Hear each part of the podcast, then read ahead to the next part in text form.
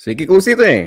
Apie Bundę grįžta po savaitės pertraukos, šiek tiek pasikeitusią sudėtim, Justas dėl darbų ir užimtumo negali dalyvauti, turbūt negalės dalyvauti ir iki sezono pabaigos, bet nėra to blogo, kas neišeitų į gerą. Pas mus TV3 sport komentatorius Rytis Višniauskas, sveikas Rytis. Sveikas, Titai. Senokai bebuvai, nes per sezono vidurį tavęs nebe, nebepakvietėm, bandėm patys susitvarkyti, tai tik sezono pradžioje kalbėjome su tavim.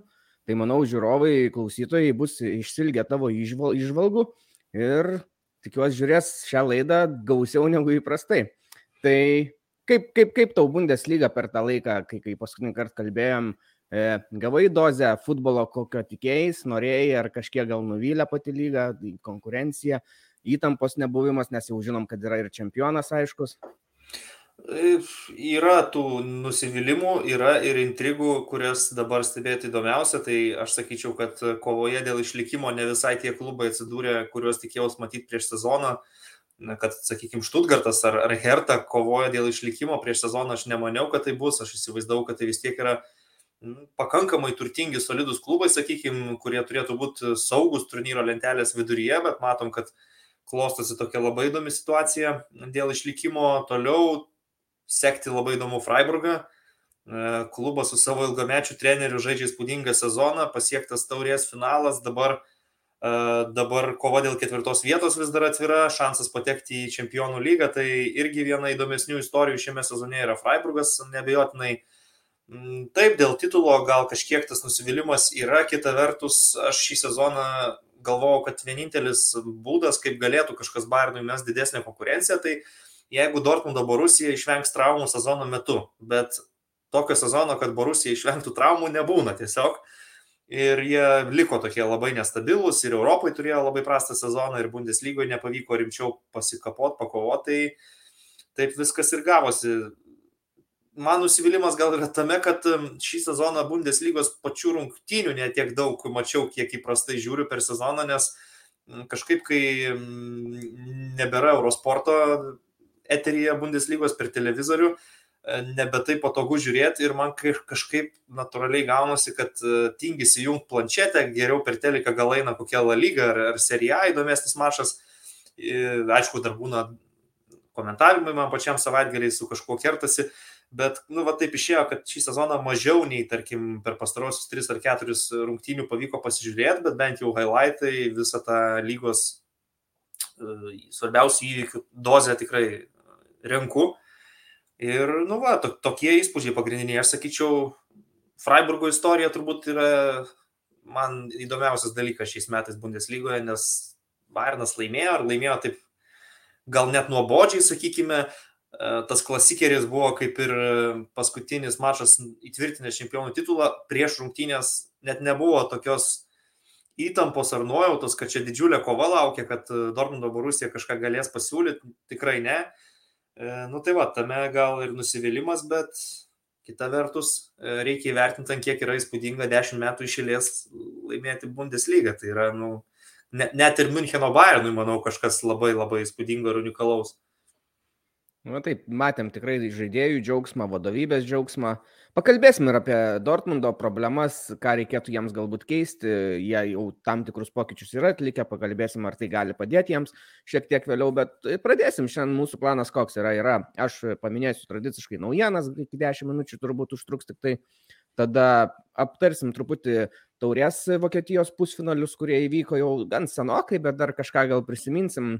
Pateko dvi jau. puikios komandos, tavo, tavo, vat, išgirtas jau Freiburgas bus finale, tai iš, iš tikrųjų Kristinas Štraikas, na, nusipelno pagirų ir yra vienas iš geriausių turbūt šio sezono trenerių. Aš netgi jeigu reiktų išskirti, turbūt išskirčiau keturis geriausius Bundeslygos šiemet trenerius. Ir tarp jų nebūtų nei Dortmundo, nei Bayerno trenerio, būtų Leipzigo Dominikas Tedesko, kuris sugebėjo pastatyti tą komandą visiškai įvėžęs, kur atrodė na, iš jų išvažiavus. Tada Kristina Štraikas, Freiburgo treneris, kuris žais finale Vokietijos taurės ir žaidžia dėl čempionų lygos ir Europos lygos vietų. Ir Kielno treneris, sakyčiau, Štefanas Baumgartas irgi nusipelnęs pagirų. Galim netgi atkreipdėmės ne vien į rezultatus, bet ir tai, kad yra labai charizmatiškas, pastebimas, vienas turbūt pastebimiausių, taip trenerių ta kepurė legendarinė, aš netgi svarstau ją nusipirkti užsisakęs iš jų šopo. Nu, ir tas momentas, kuris e, izolacijoje namie žiūrėjo savo komandos rungtynes ir, ir tie užfiksuoti kadrai buvo labai įspūdingi, tai jo, tikrai kultinė asmenybė. Kepurė sėdi namie. Taip, taip. Jo, ir tada ir dar sakyčiau, Bayerio treneris irgi nau, nau, naujas buvo treneris, atėjo šį sezoną tik tai ir Bayeris stabiliai laikėsi toj čempionų lygos vietose. Aš dar dvi pavardės įmeščiau iš tikrųjų šitą visą miksą, tai Ursas Fischeris vėl, nu, Berlyno Unionas vis tiek, kaip bežiūrėsi, e, šešta vieta, jie gal jau pripratino, kad čia yra normalu, bet aš vis tiek nemanau, kad su jų resursais yra labai jau uh, normalu, kad jie taip aukštai stovi, o pavyzdžiui, pavyzdžiui Štutgartas Herta dėl išlikimo kapstosi, Menkengladbachas kažkur 11 vietoje, tai Urso Fischerio darbas irgi įspūdingas ir taip pat uh, įvertinčiau, įvertinčiau ir, ir Bos Vensoną su Mainzo komanda. Gal pastarasis mačas nesusiklostė, sakykim tai, bet vis tiek klubui, kuriam pagrindinis tikslas neiškristi iš Bundeslygos, toks labai stabilus žaidimas visus metus, jaučiam tas trenerio idėjas, nu, Mainzas, kaip sakyti, tikra trenerių kalvė ir aš sakyčiau, treneris ten yra pagrindinis žmogus, kodėl Mainzas taip saugiai ir tvarkingai šį sezoną užsibaiginėja turnyro lentelės viduryje, tai šitie du strategai galvoju irgi verti paminėjimo, bet jeigu reikėtų metų trenerio balsą atiduoti, tai aš už Straichą tikrai visom keturiom.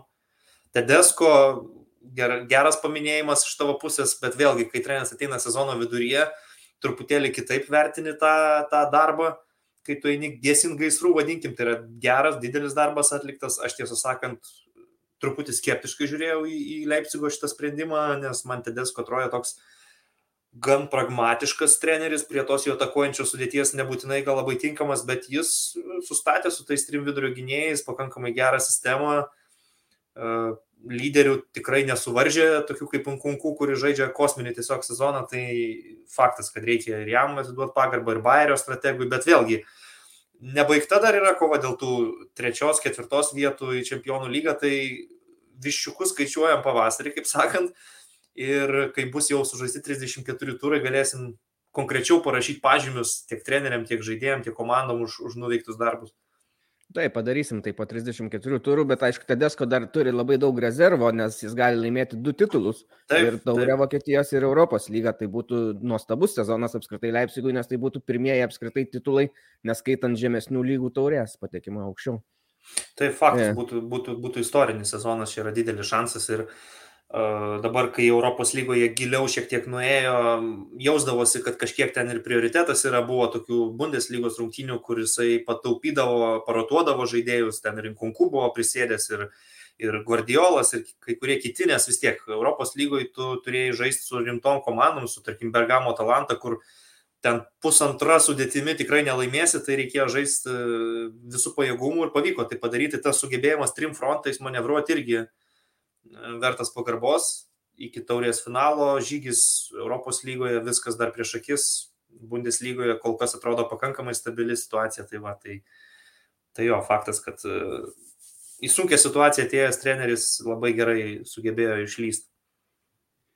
Gerai, tai palikim apibendrinimus dar sezono pabaigai. Tai po, po taurės pakalbėsim apie Europos lygą, E, tada pakalbėsim apie Bayerną, kokia ten situacija su Lewandowskiu, kodėl yra tas sezonas, galim sakyti, galbūt blogas, o galbūt tu nesutiksi, gal jis nėra blogas. Ir tada dar pašnekė, atsakysim į klausytojų klausimus, pakalbėsim ir apie praėjusios e, savaitgalio varžybas, dar klasikerį ir kitas svarbias varžybas ir kas galbūt turi didžiausius šansus kitais metais vėl žaisti Europai. Tai naujienos. Arminija neiškentė ir atleido savo trenerį Franką Kramerį. Arminija šiuo metu yra prieš paskutinį, turi 26 taškus, bet tikrai dar turi šansų pakilti aukščiau, nes 16 e, vietoje Štutgartas turi 28, tai dar viskas spręsis per tris ateinančias varžybas. Tai, na, toks žingsnis panašus kažkiek galbūt kaip bandė ir Verderis pernai keisti pačioj pabaigoje, jau mažai likus trenerių, ir Kielnas tą patį darė, tai Kielnui pasisekė, bet Kielnas pasirinko tada labai, na, garbų patyrusi trenerį Funkelį, kuris yra tiesiog specialistas išlikimo arba pakilimo aukščiau. o Verderis ten žaidė, žaidė, tai vieną, tai kitą statė, nieko nesigavo. Tai va įdomu, Arminija tokio varianto kaip Funkelį šį sezoną neturi ištraukti iš kišenės. Tai aš abejočiau, ar jiems pavyks, bet šansas yra dar tikrai. E... Nu, pagal sudėties kokybę jie atrodo tokie grinai iškritimo komanda, bet e, trenerio pakeitimas, aš irgi, vat, kai tu kalbėjai, iškart pagalvojau apie Verderį, kaip Tomą Šafą buvo paskyrę vienom paskutiniam jo rungtynėm, kad, kad kažkaip gelbėtų, bet nepavyko. Tai yra tų panašumų, nu, čia jau tokia lengva galbūt ir desperacija klubo vadovų, kad nu, blogiau nebus, o kažką pabandyti padaryti dar reikia, dar galima per tris turus išsigelbėti. Kita vertus, aš galvoju, kad tokiem klubam kaip tarkim Arminija ar, ar tas pats Fiurtas iškristi į antrą Bundeslygą vėl finansiškai nėra taip skausminga, jie nėra prisirašę kažkokių labai didelių kontraktų, Hertai arba Štutgartui toks nuopolis, tai labai stipriai atsilieptų, nes nu, žaidėjus jie turi su gerom algom, su didelė, didelėm sutartim ir reikėtų išsivalymą daryti, mažinti algas kai kuriem futbolininkam Arminija arba Fiurtas, nu, jie nėra išleidę virš savo galimybių ribos, sakykime, tai, bet be abejo, jeigu yra viltis išlikti, reikia bandyti visų priemonių imtis, kad, kad tą padarytum. Mhm. Sutinku, Štutgartas tai tikrai turi neblogų žaidėjų, mes čia su jūsų vienoje laidoje kalbėjom netgi, kad kažkiek gandai sklido, kad galbūt netgi Barcelona domintų Zo arba Kaladžičius, tai tu kaip e, pagarsėjęs e, Luko de Jongo gerbėjas, tau toks panašaus tipo polėjas kaip Kaladžičius patiktų Barcelonai. Ne, Kalaidzičiaus aš tikrai Barcelonai nenorėčiau. Ne, ne nu, sakykime, Sosa yra solidus kairio krašto žaidėjas, bet jis atrodo taip gerai jaučiasi prie trijų vidurio gynėjų sistemos, kur tikrai daug laisvės jam į polimą. Nežinau, kaip žaistų, tarkim, Barsui, kur visada yra keturi gynėjai, tam Žordė Albos rolėje, bet ne, Saša Kalaidzičiaus aš nenorėčiau Barcelonoje Austras turi įspūdingus fizinius duomenys, dvimetrinis polėjas, tikrai neprapuls, jeigu reikės pasikeisti klubo, tai pačia Bundeslygai, manau, atsirastų, kas, kas jį paimtų, sakykime, Wolfsburgas, kai atsisveikino su Veghorstu, tai gal naujas dvimetrinis bokštas jiems visai ir, ir nepakenktų. Nu, bet čia taip, tiesiog pasvarstymai, bet tikrai ne į Barceloną, manau, kad reikia jam važiuoti ir ne Barcelonai jo reikia. Greičiausiai gali sustiprinti kokią kitą Bundeslygos komandą, kuri liks aukščiausiam divizione. O Herta tai tokie, nežinau, galbūt atlyginimai jų žaidėjų ir dideli, bet patys žaidėjai tai tokie nežavintis, nežinau, greičiausiai iš jų. Nu, žinai, tokie Jovetičiaus ar Kevino Princo Botengo pasirašymai man labai primena futbol manager žaidimą, kai tu komplektuojas komandą ir reikia užkimšti spragas ir iš transfer listo išsikrapštai veteranų, su tokiam pavardėm garsesnėm ir bandai iš, iš to kažką tai lipdyti. Aš sutikčiau, kad Herta jau ne vienerius metus yra labai chaotiškai komplektuojanti komanda, kur atrodo neturi strategijos, krypties aiškios. Tai e, vienus metus prisiskautina, pabando kažkokių jaunų, jaunų Olandų atsivežti, paieškoti kažko tokio, nu, randa ten Mateus Akūnė, tarkim, Brazilą labai, labai talentingą jauną, kurį paskui pardavė po to vėl krypsta prie veteranų, prisikomplektuoja labiau patyrusiai žaidėjais. Nu, sunku paaiškinti, ką Herta tikisi pasiekti ir žinai, kai tu pagalvoji apie tai, jog prieš 3 ar 4 metus buvo deklaracijos apie tai, kad nu, mes esame Berlyno klubas, mes turim žaisti čempionų lygoje, čia bus projektas su Klinsmanu tuo metu, viskas dabar labai skamba jokingai ir jeigu iškristų į antrą Bundeslygą, tai tu iš vis pagalvotum apie tokią situaciją, kad nu, prieš 4-5 metus buvo Berlyno Unionas, darbininkų klasės klubas, antroji Bundeslygoje ir buvo Berlyno Herta dideliam olimpiniam stadione, klubas, kuris nu, turi didelių tikslų, kurių niekaip negali gyvendinti, o dabar tu esi labai arti to, kad Unionas stabiliai kelis metus pailiui žaidžia Europoje, ko Herta labai norėtų ir apie ką svajoja, o Herta gali kristi į antrą Bundeslygą pas Šalkę ir, ir pas, kit, pas Verderį ir pas visą tą kompaniją. Tai žinai, nu, kažkoks surrealizmas atrodo iš tikrųjų. Taip, tik tikslai įvykdyti, Berlynas turi komandą Europoje. Tai... Jo. ne tam stadionui. E, užsiminiai Klinsmaną, kad priminiai man tokį gal linksmėsnį klausimą duosiu. Žinau, kad ir e, gan Ralfą Ragniką kaip trenerį. Tai ką turėtų padaryti United klube, kad galėtumėm jį.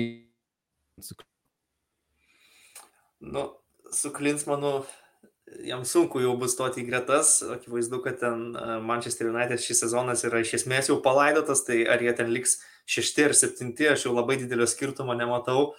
bet Rangnikas kaip ir lieka tokio konsultanto pozicijoje, ten turės savo žodį transferus renkantis, turės dirbti kartu su Tenhagu, naujojų komandos treneriu, tai aš manau, kad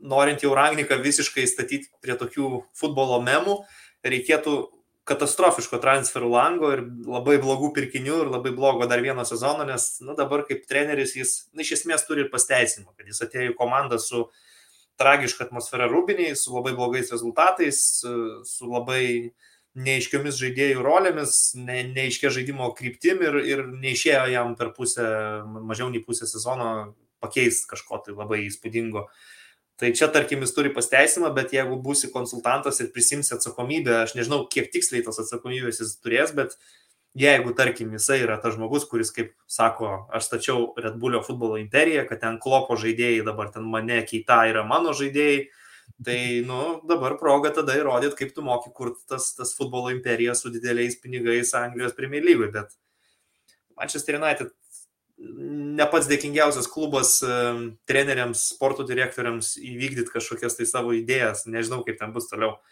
Bet e, Ragnikas vieną parodė, kad jis moka kalbėti, moka įtikinti, kad jisai yra įspūdingas futbolo teoretikas, taktikas, bet praktikoje, bent jau per šitą jo atkarpą, nu, pamatėm, kad iš esmės niekas jam neišėjo. Tai bet nežinau, ar gali būti vis dėlto didesnis pravalas nei Klinsmano. tai sunku lyginti. Su nauju treneriu, naujose pareigose jisai gal galbūt ir pastatys tą komandą, bet tu labai rimtai pažiūrėjai tą klausimą, aš, aš kažkaip labai jo, jo, jo.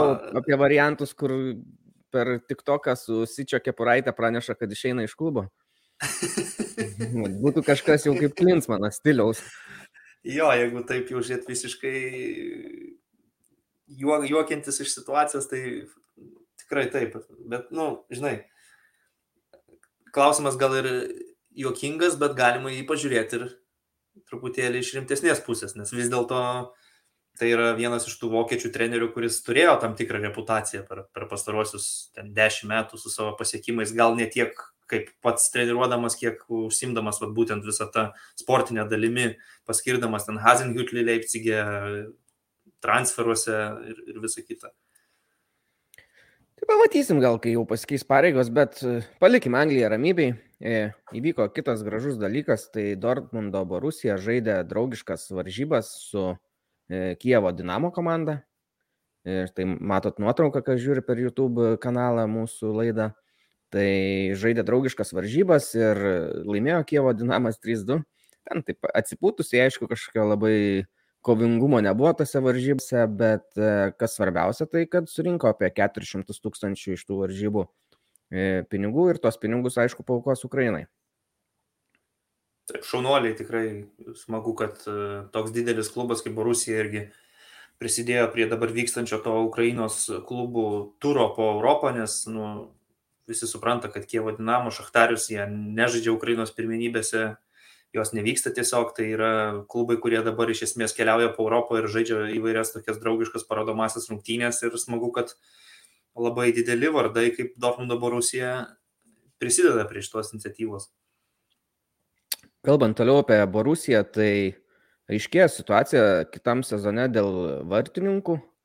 Tai jau Burkis garantuotai išvyks, turbūt suprato ir po, po Der Classicer, kai netgi Hitsas buvo statomas į vartus, kad jau jam čia nebėra ką veikti.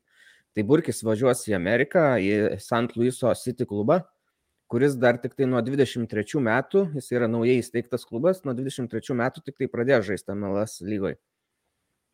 Tai ten, manau, turėtų gauti tikrai pakankamai laiko, jeigu nesusimaus kaip nors. O Hitsas irgi paskelbė socialiniuose tinkluos po, po, po, prieš Der, Der Classicer, kad e, paskutinis Der Classicer, tai reiškia, reikia suprasti, kad irgi paliks klubą, nebežais.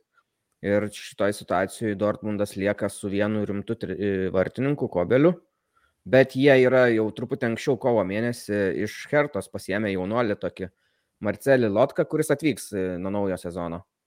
Jisai šiaip laiko antros komandos vartus, bet, bet ir Bundeslygoje ar šešis ar septynis kartus jam buvo duotas šansas, kai, kai pagrindinis vartininkas negalėjo žaisti. Tai dabar tai pastaruoju metu kaip tik įžaidė. Tai visai toks neblogas gal variantas, bet, bet nežinau, ar Dortmundui dar reikėtų galvoti apie vieną antrą vartininką kažkokį stipresnį, ar bus gana, vat, trečią nu. pasimti iš jaunimo dar vieną. Aš manau, kad, tarkim, Kobelis yra pakankamai solidus vartininkas, tai jis ir toliau planuojamas pagrindinio vartininko pozicijoje. Atsarginis vartininkas čia kaip, kaip pažiūrėsi, kai, kai kurie klubai nori antrų vartininkų, sakykime, turėti veteraną, kuris sutinka būti antrų vartininkų, ten 34-35 metų, labiau patyręs žaidėjas, kiti mielai turi jaunus vartininkus ir antrą ir trečią, tai aš galvoju, kad Barusijai e, yra kitų pozicijų, kurias e, labiau norisi investuoti pinigus. Vartininko klausimas jeigu ateina toks jaunuolis iš Berlyno Hertos jau su šiokia tokia patirtim šį sezoną aukščiausiai Bundeslygoje, tai jis gal ir nėra toks opus. Svarbiausia, kad Kobelis e, išvengtų traumų, kad ne, nebūtų kamuojamas traumų, nes aišku, kad e, tu nesitikė didelę dalį sezono žaisti atsarginių savo vartininkų, kai komplektuoji komandą. Mhm. E, Fiurtas e, irgi pareiškė, pa, pa, pa, padavė naujienų, tai kad jų treneris e, išeis po šio sezono iš klubo ir prisijungs greičiausiai, jau taip sakoma, kad neoficialiai jis yra susitaręs su Hanoveriu, antros lygos komanda, kuri irgi netaip ne, ne jau senai žaidė aukščiausiojo lygoje. Tai ir, ir iš to, kas seka dar, tai kad Kunze iš Arminijos Bielefeldo irgi jungsis į, į Hanoverį. Ir Hanoverio vadovas pasakė, kad na, turėtų padidinti biudžetą, kuris gali būti kitą sezoną apie 40 milijonų Hanoverio.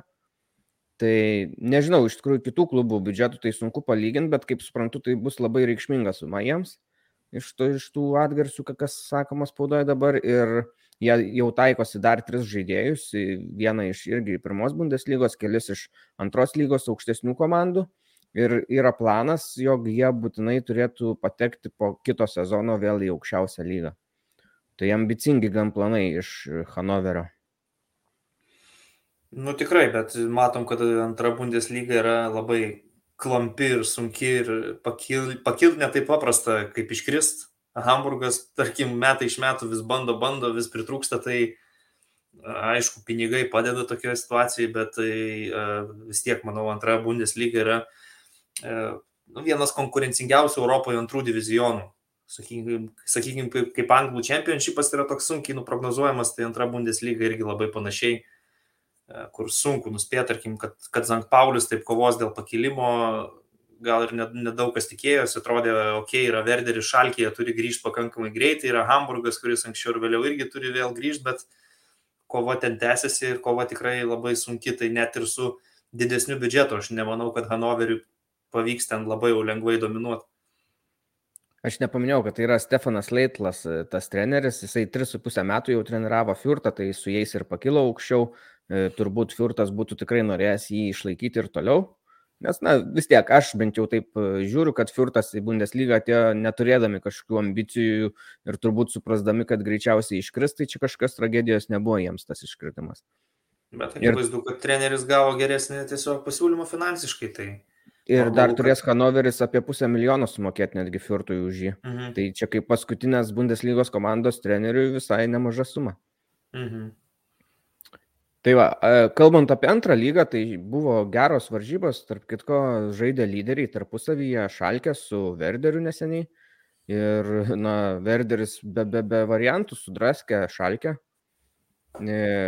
4-1, tai ten vėl tas polimo dviejatas Verderio legendinis dabar Bundeslygoje antro yra Fulkrugas su Dukšu, kur buvo gal 10 ar daugiau varžybų, kur bent vienas iš jų iš eilės įmuždavo bent po vieną įvartį. Tai visai, visai gal smagiai bus matyti Verderį grįžtantį.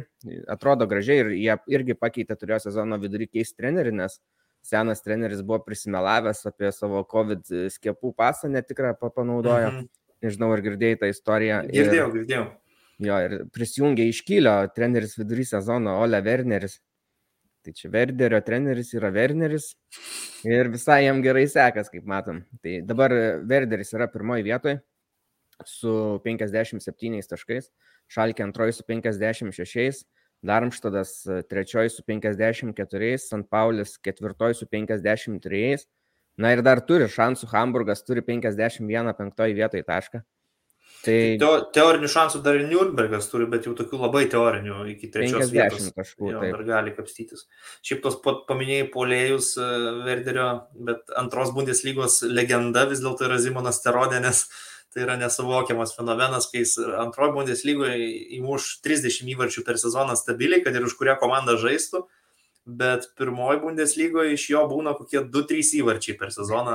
Atsimenu puikiai, kaip su Kielnu buvo, kai jis juos vedė antroji Bundeslygoje, ten sumušė irgi apie 30, tada aukščiausiai lygoje ten gal 2-3 įvarčiai per metus, tai parodo vis dėlto, kaip skiriasi, aš sakyčiau, tas ta techninė žaidimo pusė tarp elitinio diviziono ir žemesnio, nes žemesniam divizionė tokiam polėjui 1,90 m užtenka to dominavimo baudos aikštelį, kad jisai tiesiog uždaro takas ir sumuša savo įvarčius aukščiausi Bundeslygo vis dėlto tas universalumas, atletiškumas ir kitos savybės, technika yra labai svarbu net ir devintos pozicijos žaidėjų ir, ir vidurio gynėjų galų gale kokybė visiškai kita, baudos aikštelė, nebe viskas taip lengva ir tokie gaunas didžiuliai kontrastai.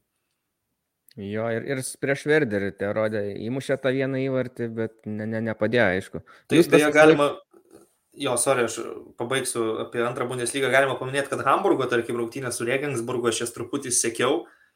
Uh, jau atrodė, kad Hamburgas uh, viską paleidžia iš savo rankų. Ten buvo 2-2, baig, pasibaigiant pagrindiniam rungtynių laikui. Ir per teisėjo pridėtą laiką pavyko du įvarčius įmušti. 90 minutę, po to baudinys ten per šeštą pridėtą laiko minutę ir tokia pergalė paliko dar šansus Hamburgui bent jau dėl tos trečios vietos, dėl tų pereinamų rungtynių pakovoti. Mhm. Jo, būtų nebeturėję tada kitaip šansų. O jūs tas tai visą laiką juokauja, kad reikia terodai duoti šansą rinktiniai. nu, žinai, e, kaip yra su rinktiniu futbolu, turėti komandai, sakykime, tokį polėją, kuris gali įeiti po keitimo 80 minutę, kai labai reikia įvarčio ir reikia žaidimo planą, nu, tai kas ten žino, gal jisai ir suspindėtų tokioje rolėje. Nu, būna kartais rinktinėse tokių žaidėjų, kur tikrai klube atrodo, jam gali nesisekti.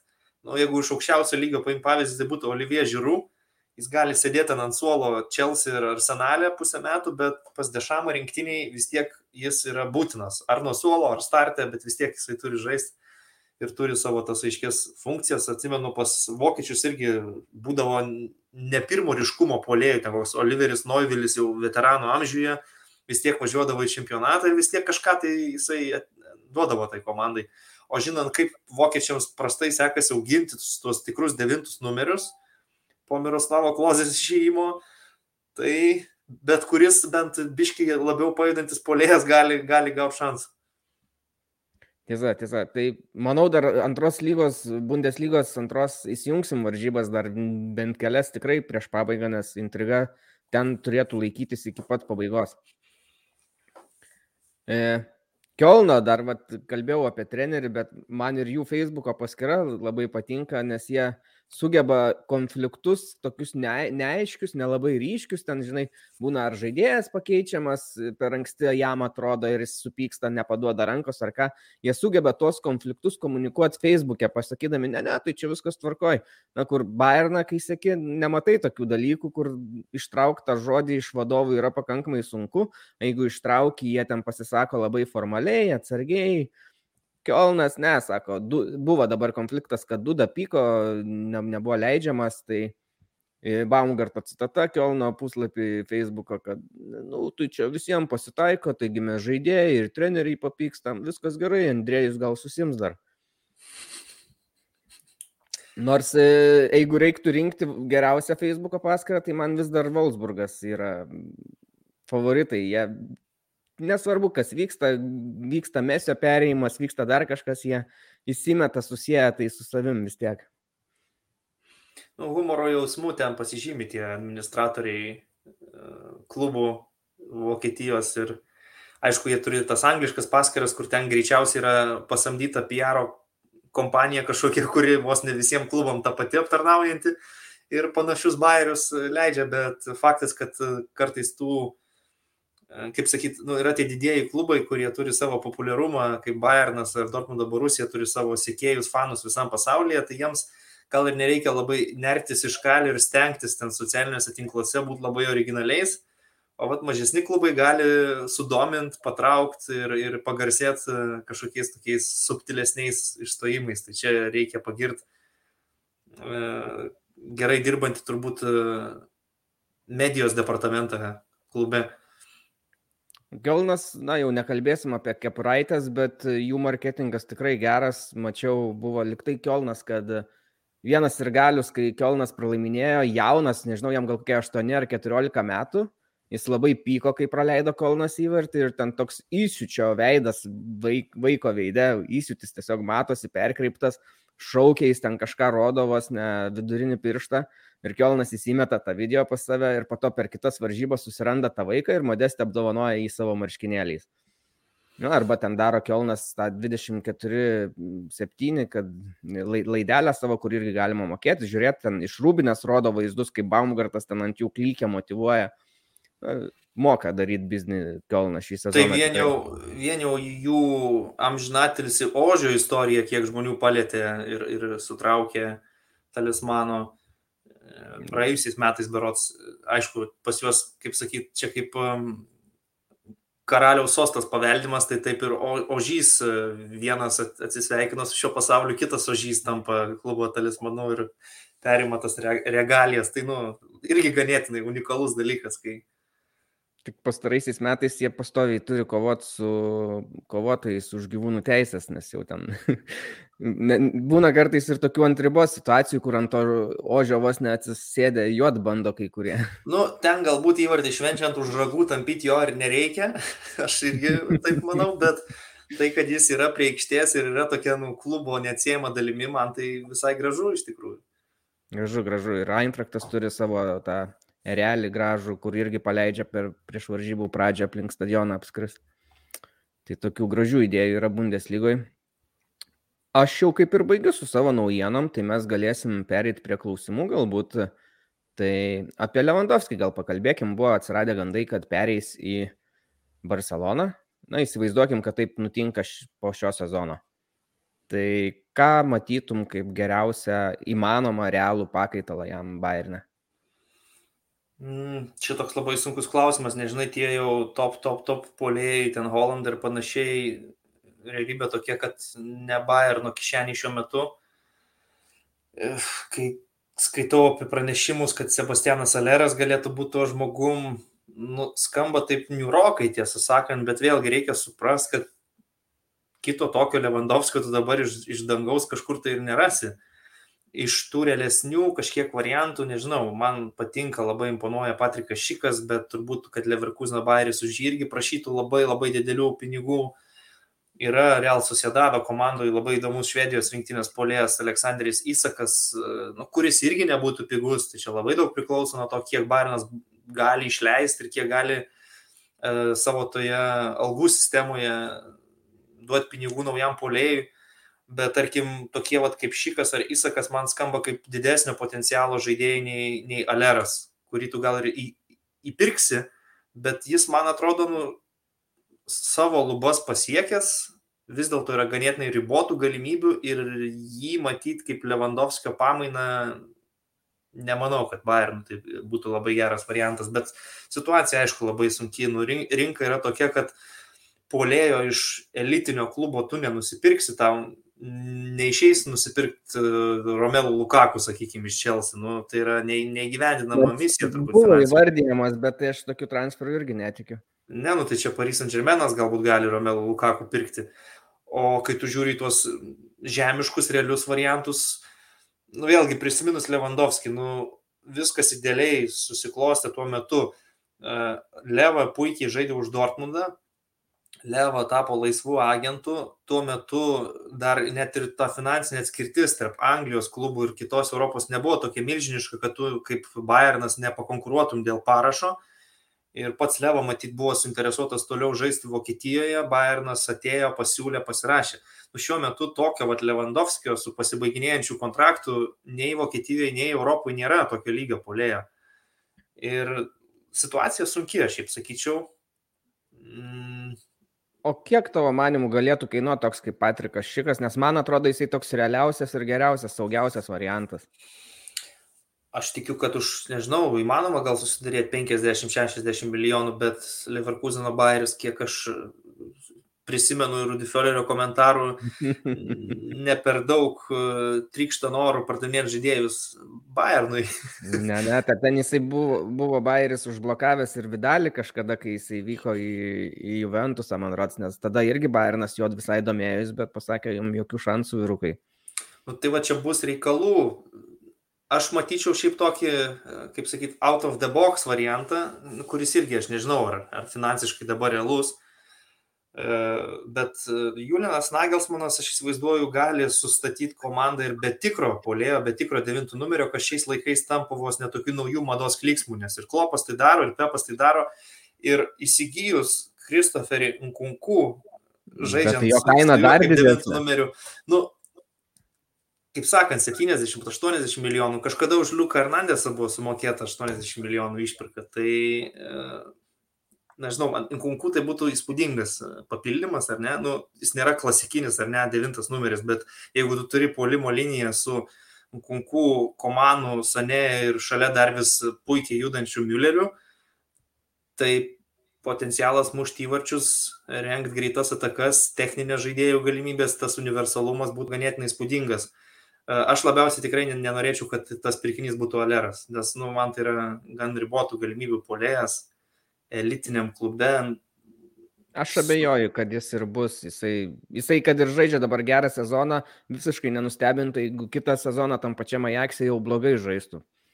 Tai Na, vis, vis, visko gali būti, vėlgi matai, ta jo dabar tokia vertė ir įspūdį apie jį e, sudaro čempionų lygos įvačiai, nes kad jisai Olandijos redivizijai primušęs, niekas gal taip rimtai labai nežiūri. Uh, prisimenam jį Eintrachte, ten viskas neblogai buvo, bet to pačiu atsimenam, kad West Ham United jisai buvo absoliučiai prapuolęs.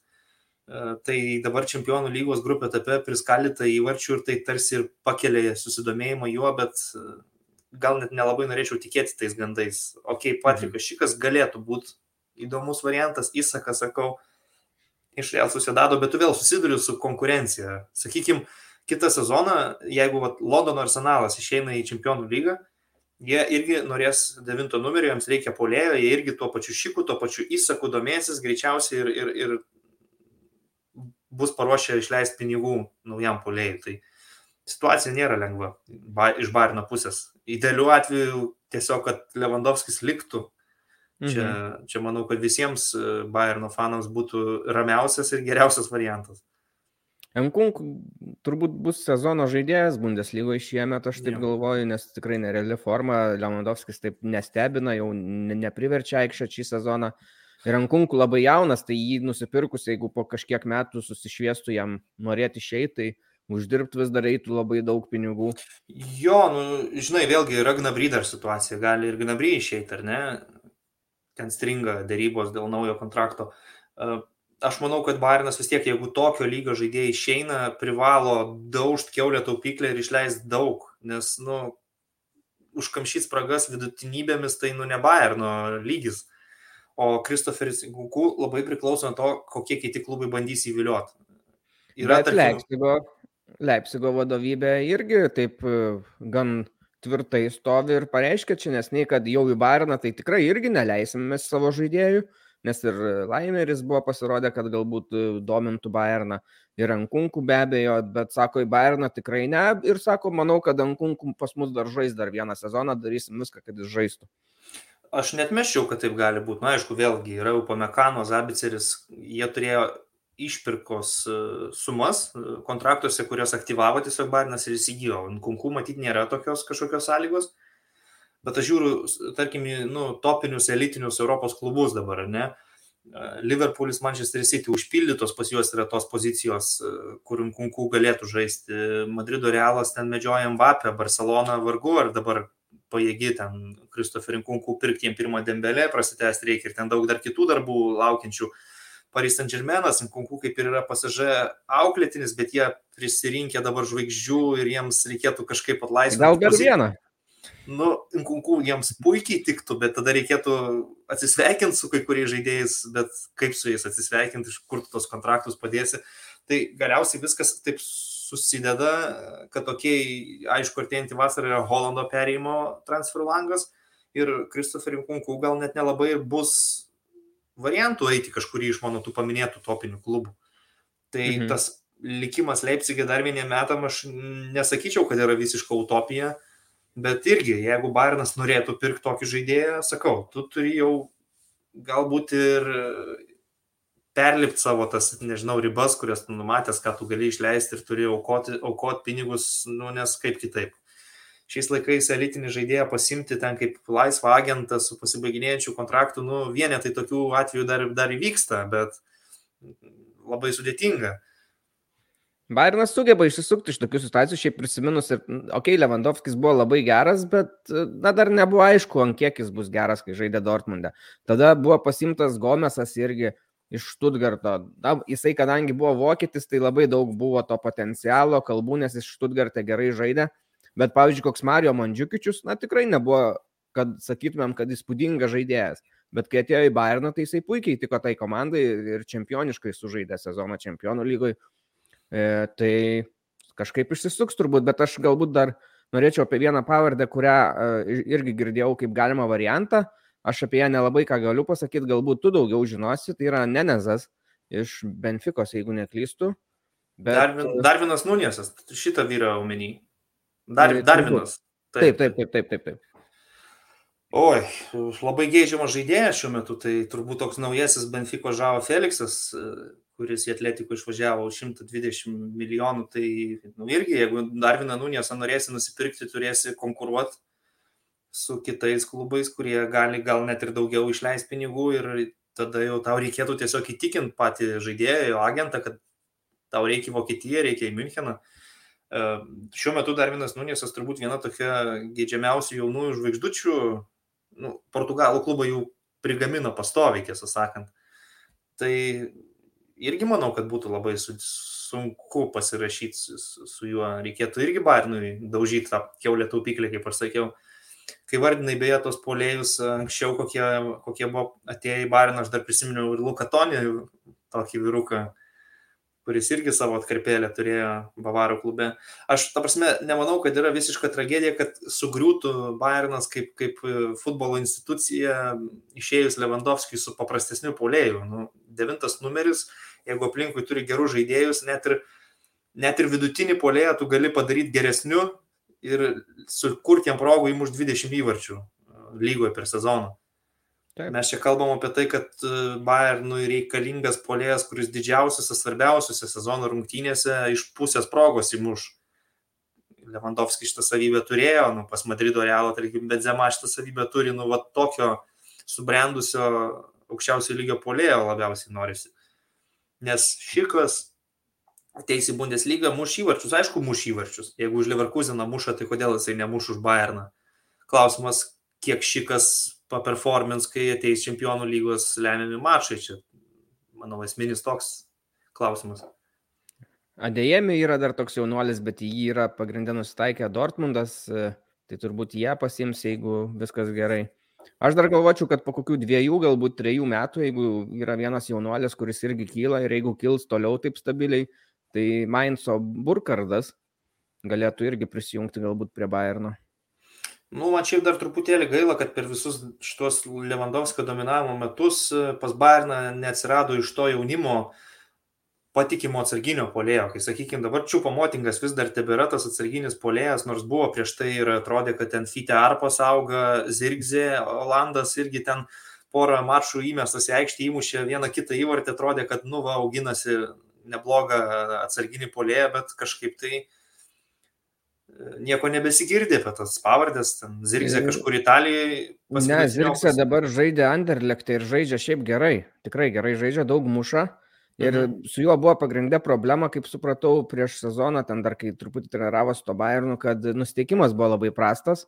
Atrodė, kad žaidėjas, būdamas tokio amžiaus, turėtų įdėti visas jėgas ir kovoti dėl tos vietos startę, bet jisai, kaip supratau, atmestinai tai žiūrėjo ir nerodė to užsidėgymo kovoti. Ir dėl to ir buvo išsiųstas laukan, bet ir pats žaidėjas dabar kalba, kad sako, aš suprantu savo klaidas, elgiausi blogai ir, na, forma dabar visai gera Mm, tai jo. gal, gal, galbūt dar įmanoma kaip pakaitinis. Ne, ne tai aš turiu minėti, kad atsarginis polėjas, nežinai, Čiupo Motingas tai irgi yra veteranas. Tai, tai. 20 metų jos dirgizė dar tik e, pernai buvo į Parmą išsiųstas, kur ten iš vis nieko nepadarė, dabar jo atsidariau, tai 15 įvarčių 6 asistai Belgijos lygoje. Tai va, visai neblogai. Eh, Tiek turbūt apie Bayerną. Man gal dar tik toks vienas momentas įdomus, nežinau, ar tu pastebi apie Bayerną, tai kad e, vadovybė labai dėlsia tuos kontraktus pratesti, nedaro tai labai iš anksto. Nu, tarsi, kaip, su kai kuriais padaro ten, su Kimichu, dar su kom nors, bet su kitais atrodo, kad labai dėlsia ir visi galvoja, kad nesusitarė jie su Lewandowskiu, bet po, de, po Der Klasikerio pareiškė Lewandowskis, kad su jo klubas dar net nešnekėjo apie tai. Nu, keista, pas Bairną visi tie dalykai truputį kitaip darosi. Bairnas visų pirma į žaidėjus niekada nežiūri kaip į prekį, iš kurios gali užsidirbti.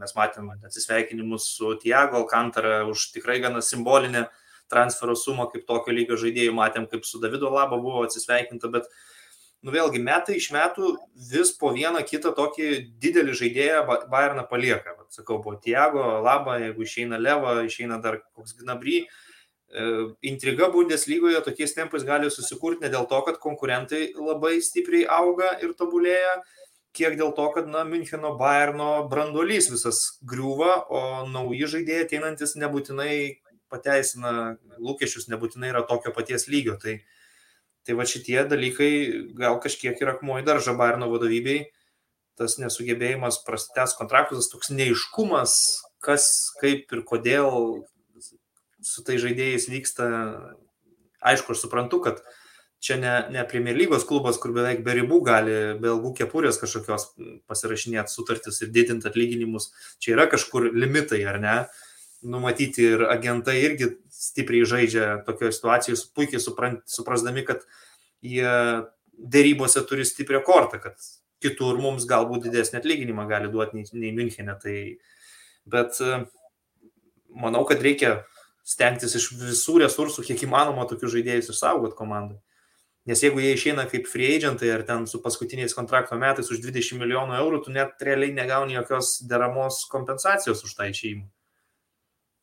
Tarp kitko, prieš mum pradedant kalbėti, pasiekė viena liūdna žinia, jog vienas žinomiausių futbolo agentų Mino Rajola mirė. Tai čia galbūt kai kurių žaidėjų kaina irgi gali koreguoti, nes e, ši, kas dirba su šiuo agentu, tai jis irgi mėgdavo pasimti tam tikrą nemažą sumą nuo perėjimo. Nu, kad jau paneigtos tos, tos žinios, jis pats jau net parašė Twitter'yje, kad, kad mm, kovoja ligoniniai vis dar, bet, bet dar neamžinatilis, ne čia kaip Žirinovskis buvo palaidojęs truputį. tai, tai... Supratau, nes mes prieš įeinant į laidą aš pamačiau, kad mirė ir po to nebe... Na, taip, taip, buvo, buvo, buvo tie pranešimai, bet juos labai daug kas paneigė ir daktarai, ir, ir, ir jo agentūros ten atstovė spaudai ir jisai pats ten Twitter'yje, ar jisai pats rašė, ar kažkas tiesiog iš jo akanto rašė, aš nežinau, bet esmė, kad, kad kaip, kaip skelbė, kad jo būklė tikrai nėra lengva, kad jis ten turi su plaučiais didelių problemų, bet dar nereikia laidoti žmogaus, kol jis gyvas, okay. kaip sakant. Jo, čia toks jokingas e, momentas apie nejokingą situaciją, bet kuri dar gerai baigėsi. Nu, jam, jam Holando transferą dar visų pirma reikia užbaigti, dar reikia Pogba kažkur parduoti, dar reikia Gramenbergą, gal netgi ir Bayern atvežti, kas nežino. Yra, gerai, yra, tai tų, yra tų darbų. Rajolai. jo. E, nežinau, tai perinam prie varžybų, pradedam nuo taurės, tada eisim prie Europos lygos ir eisim į Bundeslygą. Tai Taurė gal labai mes mažai, nes jau gal nebėra taip įdomu, kas įvyko prieš kiek čia kelias savaitės turbūt. Tai tiesiog ja. Leipzigas ir Freiburgas pateko, ar ne? Tu sakei, stebėjai tas varžybas, tai vad gal kažką, kas tau įsiminė tada ir pabrėžtum. Um, nu, apie Freiburgo galbūt pusfinalį labai daug ir nėra ką kalbėti, ten buvo pakankamai ramiai užtikrintai pasiekta pergalė 3-0 po pirmo kėlinio ir, ir Hamburgas ten tik pašvelino rezultatą labai vėlai jau. Uh, jautėsi tas Freiburgo dominavimas, komanda išėjo su aukštų presingų, su dideliu intensyvumu ir nu, būtent ir pasimatė tie skirtumai tarp pirmos Bundeslygos komandos ir antros Bundeslygos, kad to tempo Hamburgas net laikė, kad juos tiesiog ant presingo suvalgė, dar baudinys buvo pasidarytas toksai gana, gana apmaudus, kurį grifo įmušė, tai realiai nėra daug ką ten ir analizuoti, laimėjo daug stipresnė komanda. Nors įdomu tai, kad Hamburgas, aišku, tą lėmė ir jų atsilikinėjimas, jie turėjo iš esmės kamulio kontrolę, jie kaip ir iš esmės teoriškai žaidė pirmų numerių, bet mes žinom Freiburgą, kad tai yra komanda, kuri žaibiškai pereina iš, iš gynybos į polimą, jiems tik reikia perimto kamulio ir šauna į priekį jie akimirksniu. Tai jau prie 3-0 jie gali gintis, kad ir 2-3 varžybas išėlės. Tai, tikrai taip, Jola prieš antros Bundeslygos e, klubą. Nors ir nebloga komanda, bet vis tiek tai yra antra Bundeslyga. O Leipzigo tas e, pusfinalis buvo toks nu, rimtesnis, sakykime. Jie su Unionu dabar pasižaidė dviejas rungtynės lygoje ir tauriai. Rezultatas 2-1. Lygoje Uniono taškai, tauriai Leipzigo pergalė ir nu, aš sakyčiau, kad taurės rungtynės buvo ganėtinai lygios. Unionas žaidė pakankamai tvarkingai, drausmingai, kaip jie ir moka žaisti. Juo labiau, kad pirmie pelnė įvartį. E, ir Leipzigas ne, ne kažin ką ten susikūrė iki to baudinio paskirto 60 kažkur tais minutę. Baudinį Andrė Silva realizavo ir tiesą sakant, nuo to momento man atrodė, kad rungtynės juda pratesimo link. Bet per paskutinės penkias taip minutės užkūrė Leipzigas e, visišką pirtelę prie Uniono vartų ir gavosi ta tokia paskutinė taka, kur iš pradžių buvo virpstas, jau atrodė išnešė kamuolį, jau atrodė apsigynė Unionas, bet buvo užkeltas gerai kamuolys ir galvos meigė Forsbergas. Tai buvo visiškai paskutiniam sekundėm per teisėjo pridėtą laiką. Ir skaudus pralaimėjimas Unionui, aš manau, kad jeigu pasiūlytų Mursui Fischeriui, jis mielai apsikeistų, kad e, tegul Leipzigas įma tos tris taškus savaitgalį, bet uh, bet duokit mums e, kelionį į taurės finalą. Į kitą šalia stovimą stadioną. Jo, A, nežinau, ar šalia, bet tam pačiam mieste. Nu, Berlyno olimpinį, taip, taip. taip. Nu, bet galiausiai Leipzigas antrus metus išėlės, pala gal ne trečius metus, aš galvoju, ne antrus. Du. E, Taur, jo, antrus metus išėlės taurės finale. Ir laukia, laukia rungtynė su Freiburgu. Tai mes kalbėjom anksčiau jau, kad taurės turnyras šiais metais bus labai įdomus, nes uh, Bayerną eliminavo labai anksti, Dortmundo Borusija iškrito prieš St. Paulį ir gavosi absoliučiai atviras turnyras, kur netgi antros Bundeslygos klubas realiai turėjo šansų patekti į finalą. Taip, o dabar Bayeris žais... iškrito prieš antros lygos komandą, jo. Kielnas irgi. Na. Ir dar aš norėčiau e, apie varžybų pabaigą kalbant pastebėti, kad jo, jau buvo pakeistas tas planas spausti ir keltos kamolius Leipzigas ir įsileido 90 minutę keli žaidėjus Pulzeną, kuris na, yra aukštas, didesnis už Silvą, kad galėtų tai daryti, išsileido vietoj Joško Guardiolo irgi aukštesnį, tvirtesnį gynėją Halstenbergą. Na, planas buvo aiškus ir, ir, ir ne jie, bet Forsbergas paėmė tą.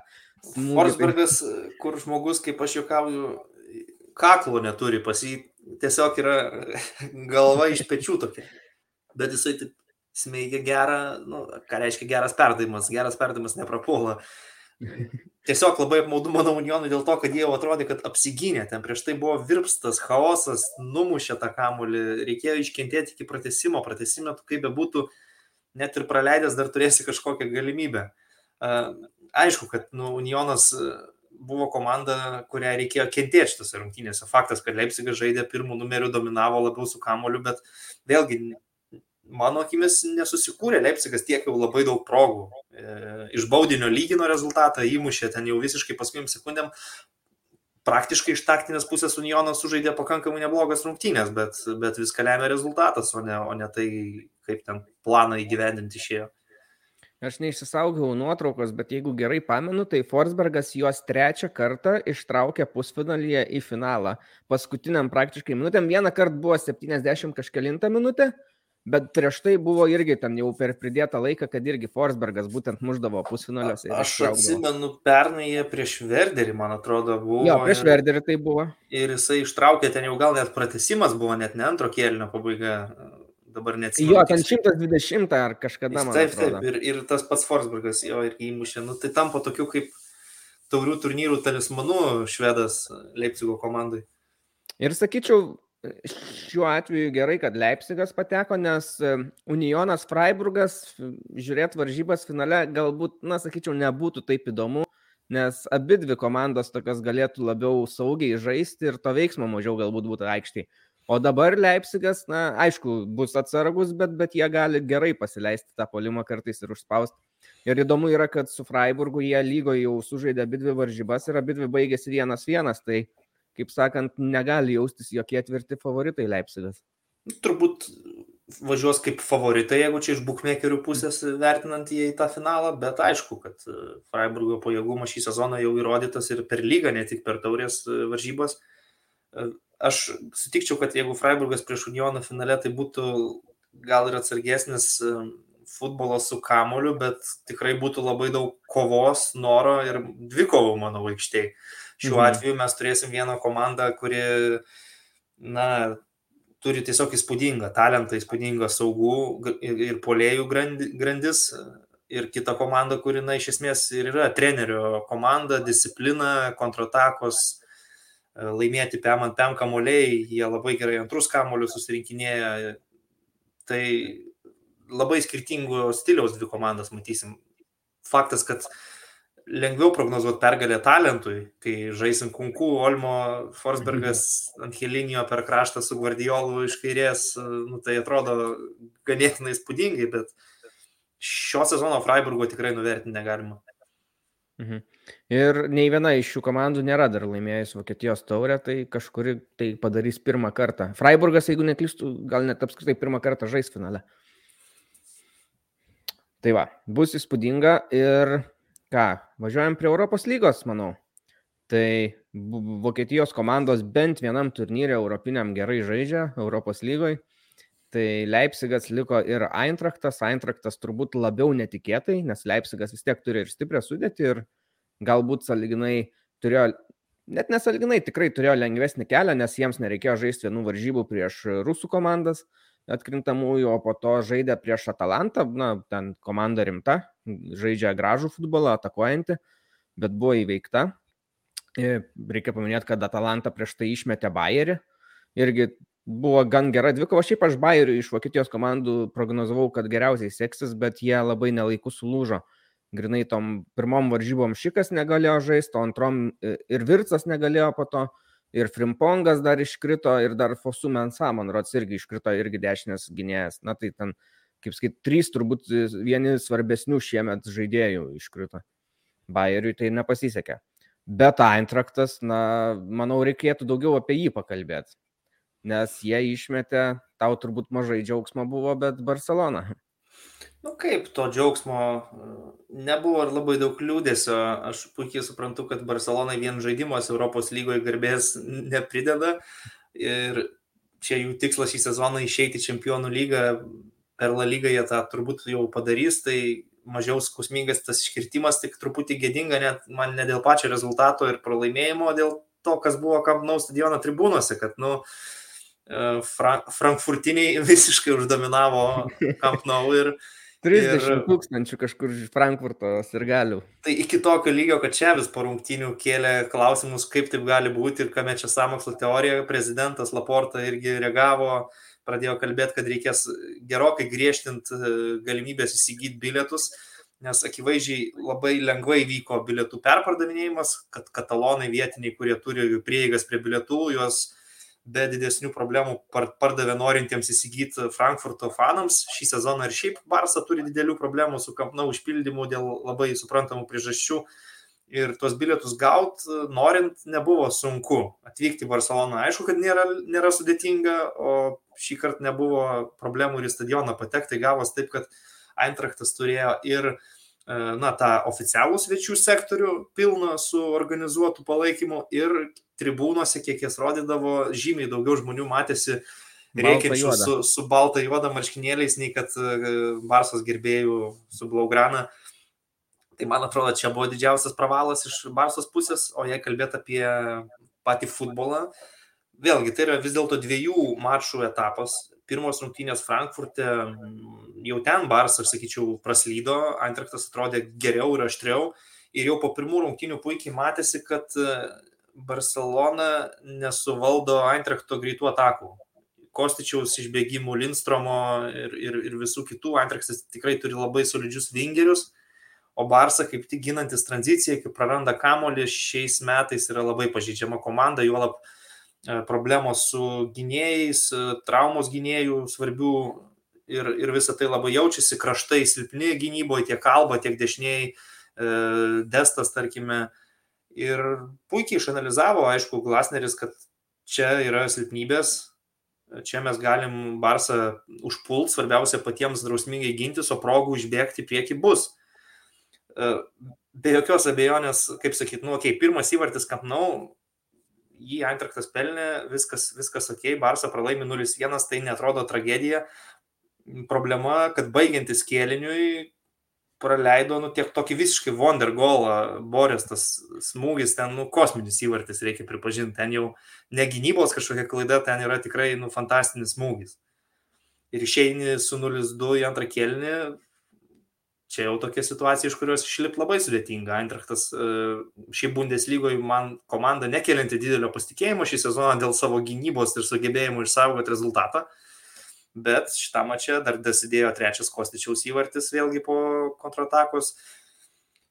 Ir paskui ten tie Barsos du įvarčiai per teisėjo pridėtą laiką jau buvo tik tai mm, rezultato toks šioks toks pataisimas, bet jau nebuvo laiko ten realiam išsigelbėjimui į pratesimą. Ir abiejose varžybose Eintraktas raudoną gavo Nu, Pirmose turėjo ilgiau pažaisti, antrose jau pačioj pabaigoje ten prasidėjo. Jo, antrą mačią ten tą raudoną jau. Buvo man truputį jausmas, kad jeigu dar 10 minučių būtų pridėta, tai neaišku, tai Barsa jau beveik buvo užsivedus iš lygio. Ne, jeigu dar 10, tai galbūt taip.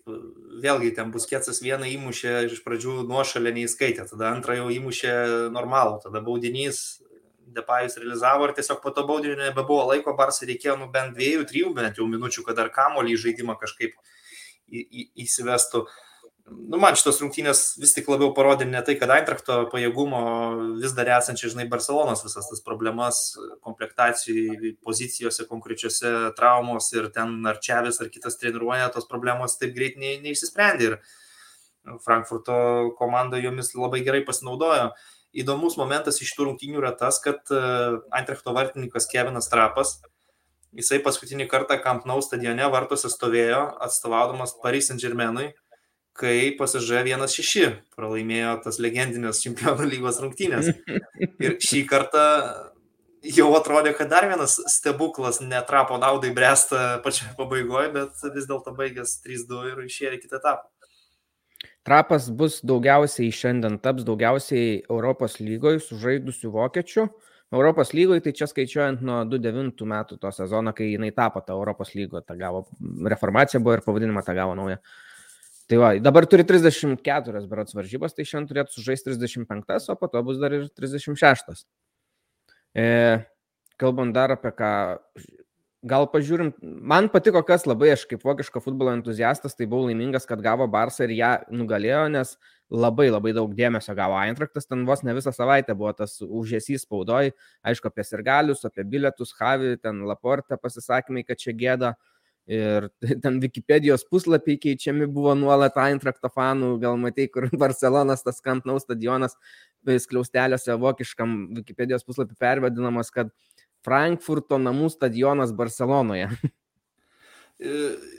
Nu tai taip, aišku, čia buvo galima nuspėti, kad jau iš Barsos juoksis per visus galus po tokio rezultato, bet aš tiesiog pripažinčiau tai, kad Eintrechtas iš abiejų rungtynių bendrai paėmus pelnytai laimėjo. Jie, jie nusipelnė, jie daugiau susikūrė, jie geriau išnaudojo savo stiprybės, patys solidžiai susigynė ir apskritai tą jų žygį Europoje reikėtų įvertinti ne tik dėl to, kad jie Barsą išmetė, jie prieš tai nugalėjo ir labai puikų klubą Sevilijos Real Betisą, kuris neseniai laimėjo Ispanijos taurę. Ir tai yra komanda, kuri Ispanijoje į ketvirtą vietą vis dar pretenduoja. Tai, nu, tokios labai skambios pergalės Eintrachtui, manyčiau. Netaip seniai vėlgi galim prisiminti, kad Eintrachtas jau buvo Europos lygos pusfinalyje, tada prieš Chelsea pralaimėjo tik per pratesimą. Tai panašu, kad pakankamai sėkmingas turnyras Frankfurtui Europos. Tai vad norėjau sakyti, kad antrą kartą per trejus metus žais pusfinalyje Londone. Dabar jo. gavo Vesthamą, galim sakyti, galbūt net tam tikrą prasme dar pavojingesnė komanda šiuo metu negu Barcelona. Jie vis tiek bus, aš manau, labiau ištroškę pasiektą titulą Europos lygos. Yra ilgas laikas, berots Vesthamas be jokio titulo, ar ne? Tai... Nu, čia, čia du dalykus aš išskirčiau, kodėl Vesthamas šiuo metu atrodo sunkesnis netgi varžovas už Barsą. Pirmas dalykas, Vesthemas iš esmės nusibraukė nuo top 4 lenktynių Premier lygoje ir Europos lyga jiems yra šansas ne tik trofėjų laimėti, bet tai yra šansas ir įgyvendinti istoriją išvest Veshamą į UEFA čempionų lygą.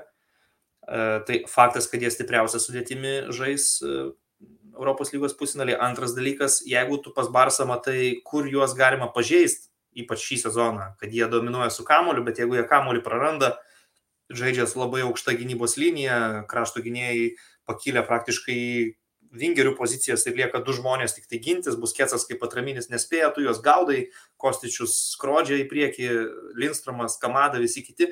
Veshemas yra moja su labai pragmatiška komanda, fiziškai labai stipri komanda, aukšta komanda su dviem atraminiais žaidžia Raisu ir Saučiaku, aikštės vidury prieš juos yra be galo sudėtinga kovot, prie standartų labai stiprus. Ir manau, kad Veshemo tokių silpnybių bus nelengva surasti Eintrachto treneriui, bet pasižiūrėsim. Labai įdomu, nes abiem komandom didžiulė motivacija ne tik dėl trofėjaus, bet ir dėl čempionų lygos bilieto kova, tai labai laukiu tikrai šito pusfinalio. Ir Eintraktas irgi labai panašiai, praktiškai, na, tik teorinių šansus turi kovo dėl europinių vietų, tai jiems irgi čia yra biletas į čempionų lygą. Ir dar reiktų paminėti, kad yra įdomus tas faktas, kad jeigu Eintraktas laimėtų Europos lygą, tai tada Bundesliga gautų aštuonias vietas europiniuose turnyruose. Tai labai retas reiškinys, retai pasitaikantis ir jau senai tai bebuvo. Nu, bet jeigu, Aišku, jeigu... konferencijos lyga prisidėjo, tai bet, Ja. bet, bet vis tiek pasiekimas ir aštuonios komandos iš aštuoniolikos, na tai čia lab, ir procentinė dalis labai didelė, jau galim sakyti. Bet jeigu taip realistiškai prognozuoti, tai aš sakyčiau vis dėlto geresni šansai Leipzigui. Aš manau, kad Veshemas favoritas prieš, prieš Eintrachtą, kaip be pažiūrėsi, o Leipzigas žaidžia prieš Glasgow Rangerius. Nesakau, kad Rangeriai pastumdėliai, nes jie jau Dortmundo Borusiją sugebėjo išmest, bet, Į vienus vartus. Bet aš manau, tai daugiau pasako apie Borusijoje esantį chaosą šį sezoną, nei, nei kad Rangerių kažkokį labai spūdingą žaidimą, o Leipzigas dabar kaip tik puikios formos ir uh, tikrai manau, kad Leipzigas e, laimės prieš Glasgow Rangerius ir, ir žais finale, tai jų šansai, man atrodo, žymiai geresni laimėti Europos lygą. Pripažint, kad e, finalas Veshamas prieš Leipzigą skamba, na, labai patraukliai. Aš aišku palaikysiu Eintrachtą, bet, bet šitoks finalas tai labai gerai skamba. Labai gerai skamba, aš tokio, tiesą sakant, ir norėčiau, aš nesakau, kad palaikau Veshamą, bet e, iš tų Premier lygos, sakykime, ne elitinių top top klubų su Klopais, Guardiolom ir Tucheliais, tai Veshamas tokia įdomiausia gal net komanda šį, šį sezoną, stebint jų žaidimą ir tą jų tokį stabilumą. Tai... Bet tokie, okay, nenurašau aš visiškai antraktą, čia gal taip nuskambėjo, kad jokių šansų jam neduodu, taip, taip tikrai nėra. Bus kova ir bus, bus tikrai nelengva ir Veshamui laimėti. Taip, na tai tiek turbūt apie Europos lygą, palikim ją, galėsim vėliau pakalbėti, va jau kitą savaitę apie pir pirmosius pusfinalius įvykusius. O apie čempionų lygą nelabai ką galim kalbėti, nes jau visos Vokietijos komandos iškritusios. Nu, Tai nebent galbūt buvo aš- vokietis treneris, nebent domina, tai, tai, tai tik tai tie galima. E, Aš galiu nebent iškelti tokį klausimą, kad pasigirdo kalbų, jog galbūt reikėtų čempionų lygoje daryti finalo ketvirtus, kaip Eurolygoje, sakykime, ar ne, yra krepšinėje. Tai kokia būtų tavo nuomonė apie tai ir vat, ar tada tokiu atveju Bayernas žaisdamas tokį silpną sezoną, sakykime, kaip šis, jeigu patektų į tą pusfinalį ir gautų stiprias komandas kaip Citys ar Liverpoolis, na, turėtų daugiau šansų net ir prastai žaisdami pa- patekti toliau į finalą. Apskritai apie tokį formato pakeitimą, ką manai? Aš tai m, vis dėlto mano požiūris ganėtinai neigiamas. Vėlgi taip, aš, aš suprantu, kad jeigu tu ieškai galimybių, kaip padaryti dar mažiau nuspėjamą savo turnyrą, kad dar daugiau šansų būtų underdogui, tarkim, Viereliui, atsistojus prieš Liverpoolį, iš vienų rungtynių gal ir yra šansas kažką tai pasiekti. Iš dviejų labai sudėtinga, matom, kad vakar jie gynėsi, gynėsi, bet vis dėlto praleido ir važiuoja 0-2 namo. Aš, aš suvokiu, dėl ko galėtų būti tokia idėja iškelta, bet man patinka, kai yra e, logika tam tikra. Tu visą sezoną dirbai, tu visą sezoną kovojai, tu įveikiai grupę etapą, tu ėjai pro aštuntfinalį, pro ketvirtfinalį, kokie, kokie jau burtai išėjo tokie ir nuėjai beveik iki galo ir tada jau tik vienos rungtynės visiškai nepaliekama erdvės klaidai ir pasitaisimui, nežinau, man tai netrodo labai logiška. Juo labiau, kad jeigu iki pusfinalio nueitų tokia komanda kaip Atletiko, jeigu mes kalbam, kad jie iš dviejų rungtynių net nelabai mėgsta žaisti futbolą ir bando tik, tik tai kažkaip tai e, ko, kovomis ir provokacijomis prasiskinti kelią, tai jeigu iš vienų rungtynių žaisit, tai tai bus aps, apskritai nu, nežiūrimas produktas televizijai. Aš, aš būčiau už tai, kad liktų taip, kaip yra. Man patiko, kad panaikino išvykos įvarčių taisyklę. Daugiau aš su tuo atkrintamųjų varžybų formatu nebe, nebekaitelėčiau nieko, bet čia mano toks asmeninis požiūris. Aš, aš suvokiu, kad šiais, šiais laikais futbolė labai jau didžiulė atskirtis su kiekvienais metais jį tampa vis didesnė, kalbant apie finansinės klubų galimybės ir nu, mes esam vėl labai arti to, kad trečią kartą per pastarosius keturis metus įvyktų angliškas finalas. Ir, ir akivaizdu, kad tai yra dėl Premier lygos klubų didžiulių pinigų, kuriais jie disponuoja, o ne, o ne dėl kažko kito. Tai nu, UEFA, kaip sakant, darė viską, kad e, kovotų su ta Superlygos idėja, bet iš esmės UEFA čempionų lyga pati po truputėlį tampa tokia kaip po Superlyga, jie jau ten grupių etapo formatą juk e, keis, man atrodo, nuo 24 metų, jei neklystu. Mm, kažkas tokio.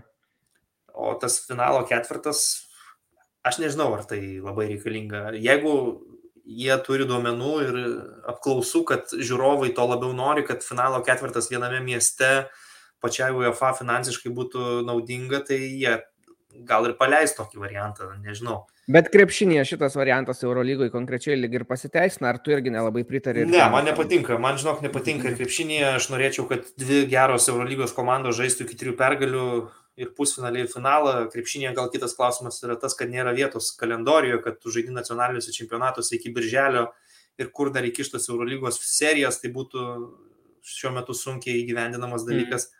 Bet nu, nesu fanas, tiesą sakant, ir Eurolygoje šito finalo ketvirto, kai komanda dominuoja stabiliai 34 turus reguliariam, 3-0 tarkim laimi ketvirtfinalį ir neturi savo šansų suklupti. Pusfinalyje pasitaiko blogesnės rungtynės, gal trauma kažkokio žaidėjo, bats pralaimėjimas vienu tašku ir nusibraukė visas sezonas, tai e, man tas, tas nėra labai, pri, labai priimtina. Na, čia dvi monetos pusės, kaip ir sakai, jo. stipresniai komandai serijoje daugiau šansų patekti, sažiningiau galbūt, O kai, kai, kai ketvirtas finalai iš vienų varžybų, tai tų gražių istorijų gali būti daugiau, kur už tai dažnai žmonės ir myli futbolą, bet kaip tu minėjai atletiko, tai gali būti nebūtinai gražios istorijos. Na, aišku, koks Ajaxas, jeigu praeitų taip gražiai žaisdamas, tai visai fainiai, ok. Bet, e, Gražioms istorijoms, sakykime, yra rinktinių turnyrai. Rinktinių turnyras yra trumpas ir ten viskas aišku. Nokauto turnyras iš vienų rungtynių daug vietos ir staigmenoms, ir, ir graikai Europos čempionais tapė, ir, ir visa kita. Bet klubinis futbolas, nu jisai tęsiasi visą sezoną ir man atrodo labai neteisinga būtų tą ilgą procesą suvesti į vienas rungtynės. Ok, jau finalas yra vienas rungtynės, finalas yra didžiulis įvykis ir galbūt iš dviejų rungtynių čempionų lygos finalo niekas ir nenori, bet jeigu tos komandos nuėjo iki finalo, tai jos galbūt vienam čia teisingai ir nu, išsiaiškins, kas yra stipresnis Gerai, tai einam į Bundeslygą. Aš siūlau mum pradėti nuo ne der klasikerio, nuo kitų varžybų, greitai jas po truputį, po truputį aptarti, pasakyti, kas svarbiausia įvyko ir tada nueiti į der klasikerį pabaigai, užbaigti mūsų laidą su juo. Tai okay. penktadienį žaidė Wolfsburgas su Mainzu. E, Abu du mes šitas varžybas stebėjom. Ten buvo labai netikėtos varžybos, norėčiau pasakyti. Aišku, Viską turbūt pakeitė tai, kad Mainzas 23 minutę gavo jau raudoną kortelę ir liko mažumoji didžiąją varžybų dalį, bet vis tiek praleisti penkis įvarčius per pirmą kėlinį, na čia buvo wow, nes Mainzas, na vis tiek yra ta komanda, kuri pasižymi tuo, kad gerai ginasi, yra gerai organizuota komanda, kuri turi gerą trenerį, Bos Svensoną, o Wolfsburgas yra komanda, kuri ilgą laiką stringa. Jau kaip pakeitė Van Bomelį, taip ir važiuoja jie ten žemyn, dar ir su juo ant pabaigos važiavo žemyn. Tai nežinau, labai nustebino, kad sugebėjo penkis įvarčius įmušti ir aš galbūt pasidalinsiu ekranu, kad ką aš galiu pasakyti apie šitas varžybas, tai vat, parodysiu tiesiog vieną įvartį ir, ir tai bus, ką aš galiu pasakyti apie šitas varžybas. E, taip.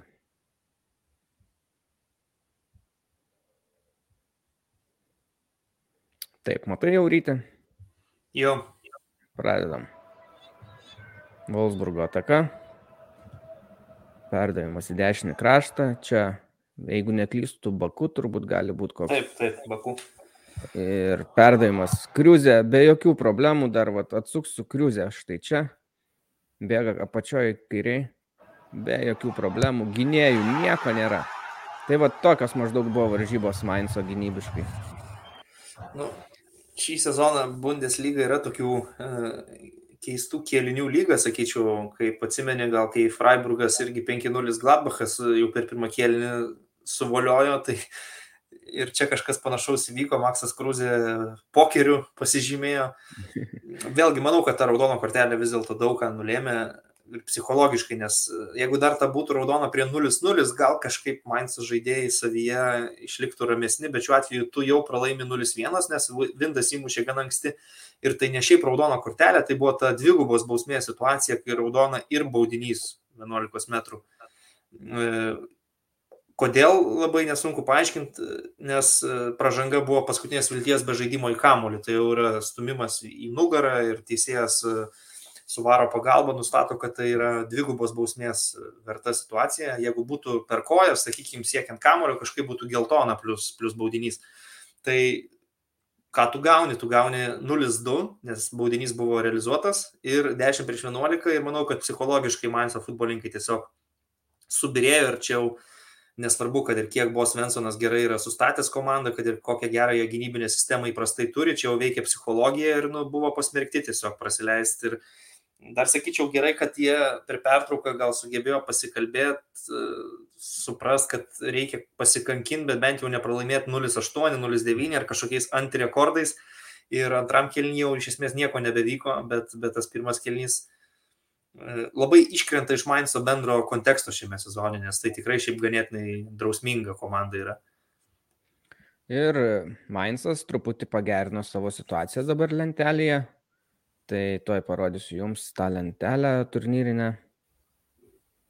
Ką mes turime, tai yra e, Wolfsburgas yra jau 12 vietoje su 37 taškais, tai jau iškritimas jiems tikrai nebegrėsia. Šiaip jau truputį anksčiau jie užsitvirtina tą, bet e, Mainzas irgi jokių ambicijų dabar jau kaip ir nebeturės kovoti dėl europinių vietų, tai tokios dvi vidurio komandos bus ir liks turbūt. Tik tai tiek, kad jiems psichologiškai ir morališkai geriau Wolfsburgui, nes tų pergalių netiek daug buvo šiame sezone. Ir Kriuzė atėjo gan vėlai, e, sezono vidury. Ir visai, kur ateina dabar visai pritampa. Toks atrodo, Unionui bus nuostolis, bet Unionas įsigijo kitą ten žaidėją, Mitchellą. Ir visai gerai abiem komandom. Ir Vindas irgi atėjo sezono vidury, irgi neblogai juda. Ir dar nu jo, jie... pataisyti, kad Kriuzė ne pokerį, o hetriką įmušė, nes Vindas du įvarčius įmušė.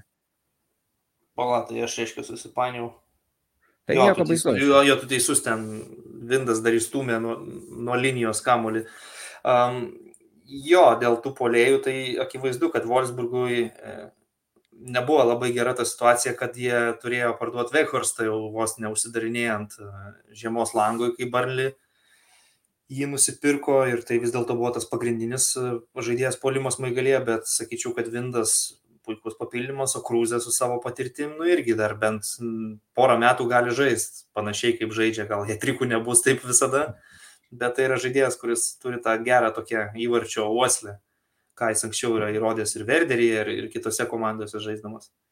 Tai Valsburgas dar turbūt vasarą tikrai turės visokių sukretimų, nes aš anksčiau su jūsų laidoje kalbėjom, kad jie ir Vimerį pasiemė iš Arminijos irgi puolamą į žaidėją.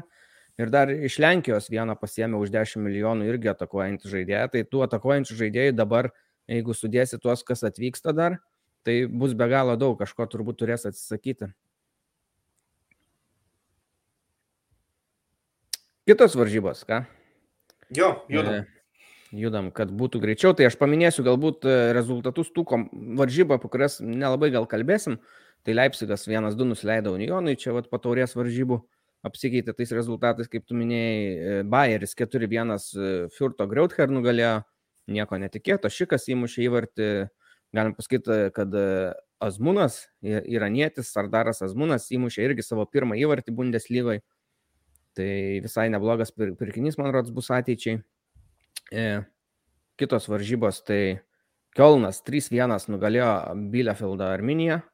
E, šitose varžybose gal toks įdomesnis irgi momentas buvo, kad Modestė po įmušto įvarčio e, nubėgo švesti, vėl sugebėjo pasižymėti savo šventimu, nes išsitraukė iš kažkur tai kavos pakelį tokį ir ta kava yra, pasirodo, jo kavos brandas jisai yra sukūręs ir taip rodė prieš kameras, na, iš esmės tai jis darė reklamą nesutartą ir nelabai legalią, tai ten dar svarstys, ar jam kažkokių nuobaudų neskirt. Tai Baumgartas buvo labai nepatenkintas, kad gali dabar prarasti vieną svarbiausių savo žaidėjų. Ar, ar nežinau, gal net neskirs turbūt bano, bet, bet na, vis dėlto reiktų protingiau gal elgtis tokiais svarbiais komandai momentais pačiam sezono pabaigoje. Nu, baudą turbūt gaus. Turbūt piniginė kokia nors. 2-2 Eintraktas su Hoffenheimu sužaidė, tai na, Eintraktas dabar visą dėmesį turbūt kitur koncentruoja, nes Bundeslygoje tų šansų mažai, kaip matos lenteliai. Ir, ir šiek tiek ir nuovargis didesnis, nes papildomos varžybos Europoje. Bochumas 0-2 pralaimėjo prieš Augsburgą. Reiktų pasakyti, kad Augsburgas, na, sezono pabaigoje truputį geriau pradėjo žaisti, atrodo geriau ir pergalių susirinko daug daugiau per paskutinius turus negu per visą sezoną. Ir dabar turi 35 taškus, tai, na, galim sakyti, irgi yra iš esmės saugus, nes tradiciškai, kiek žiau paskutinius kelius sezonus, kas ten turi 30 3, 34, 5 taškus iš esmės nekranta laukan ir net nežaidžia tų pereinamų varžybų. Tai va, tai ta iškritimo kova bus tarp triejų klubų, aš sakyčiau, Arminijos, Štutgarto ir Hertos. Toliau, kas? Tai dabar galime eiti prie tų varžybų, apie kurias dar galim kalbėti. Tai aš dar žiūrėjau Hertą 2-0 su Štutgartu. Mhm. Tai čia buvo be, tai tos svarbios varžybos, kur tos dvi komandos ir kovoja dėl to.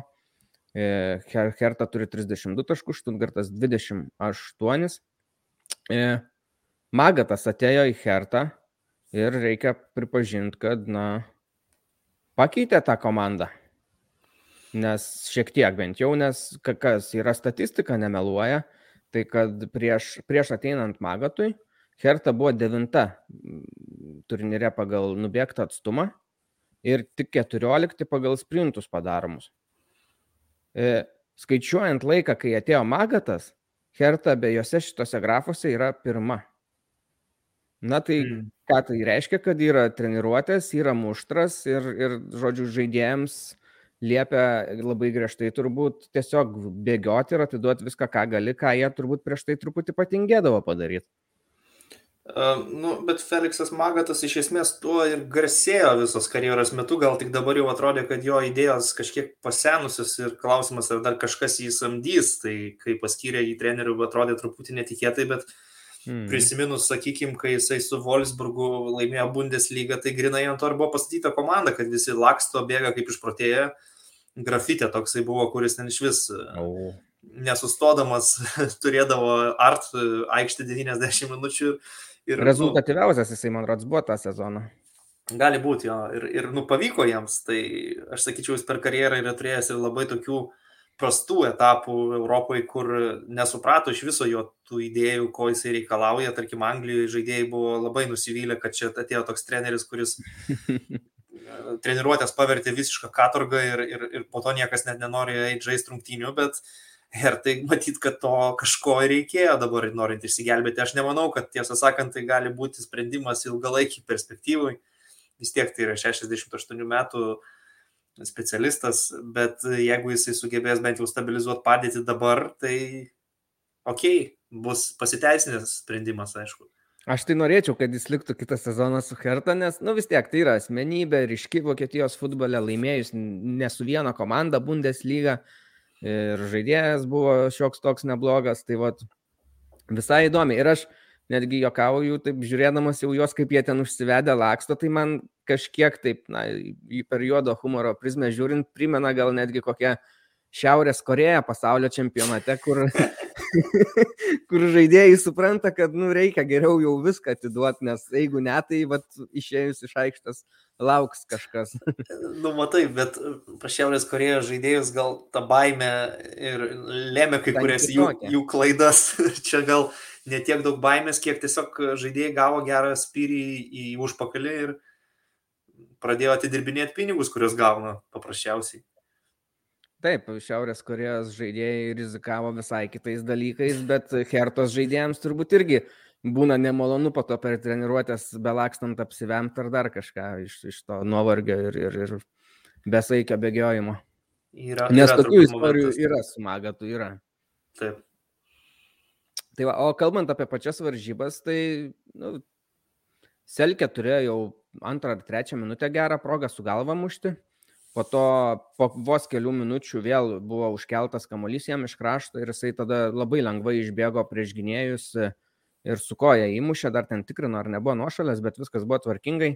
Ir aš sakyčiau, kad šituose varžybose Štutgartas, na gal jų centro gynėjas Ito gan prastokai sužaidė, nes abu du įvarčiai maždaug jisai figuravo prie tų įvarčių, neuždengė pirmą kartą ir antrą kartą irgi jisai pribėgo prie kamulio, ten jau varžybų pabaigoje buvo kamuolys kersuojamas iš vieno krašto į kitą, kamuolys liekė šalia vartų e, virpsto, bet truputį toliau ir šalia galinės linijos sustojo. Tai jisai atrodo, kad būtų labiau pasistengęs, būtų dabėgęs ir išmušęs tą kamuolį, bet nepasistengė labiau, o O Hertos žaidėjas pasistengė ir e, Belfodilas ten toks, reikia pažiūrėti įvartį, nežinau, gal matei, atrodo kaip sulėtintam kinė, ten tą kamolį apsisukinėdamas prie vartų, klaidindamas tą patį įto varos ir vartininką dar suklaidino ir įmušė įvartį.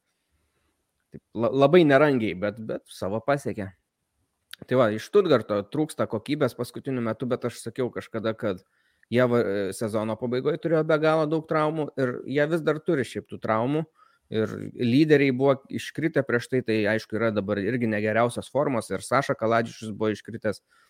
Tai atsiliepia tas turbūt ir dabar šiaip e, vadovybė kalbėjo, kad trenerio neplanuoja atleisti, su juo praeitą sezoną gerą turėjo Mataraco, bet e, dabar ir treneris ir vadovybė atrodo tą savo nusivylimą nukreipia į žaidėjus, nes jau jiems atvirai sako kritiką, kad per mažai stengiasi. Tai tiek apie tas varžybas iš manęs, nežinau, norėtum ką nors dadurti ar nelabai? Um, nu tai aš e, galiu apie galbūt tokias, e, vienas iš centrinių, aišku, klasikeris buvo centrinis mačas, bet, e, bet šitas Freiburgo ir München-Gladbacho susitikimas irgi pakankamai įspūdingas, ypač Freiburgui svarbus kovojant toliau dėl, dėl ketvirtos vietos Menchengladbachui jis tokios didelės vertės gal ir neturėjo. Pačios rungtynės baigėsi 3-3 ir baigėsi labai dramatiškai. Po pirmo kėlinio iš tikrųjų Gladbachas 2-0 pirmavo ir mano akim tai atrodė labai nelogiškas rezultatas, nes Freiburgas atrodė tikrai geriau. Tiesiog Menchengladbachas pasėmė savo dvi progas, baudinys, vienas įvartis į žaidimo ir, ir tokia, tokia persvara, bet visą laiką atrodė, kad Freiburgas spaudžia ir, ir turi įmuš savo įvartį anksčiau ir vėliau ir tie įvarčiai pradėjo kris po pertraukos, pamatėm Günterio vėlgi sugebėjimus, kaip jis puikiai smūgėjo iš toli. Geras yra įvartis.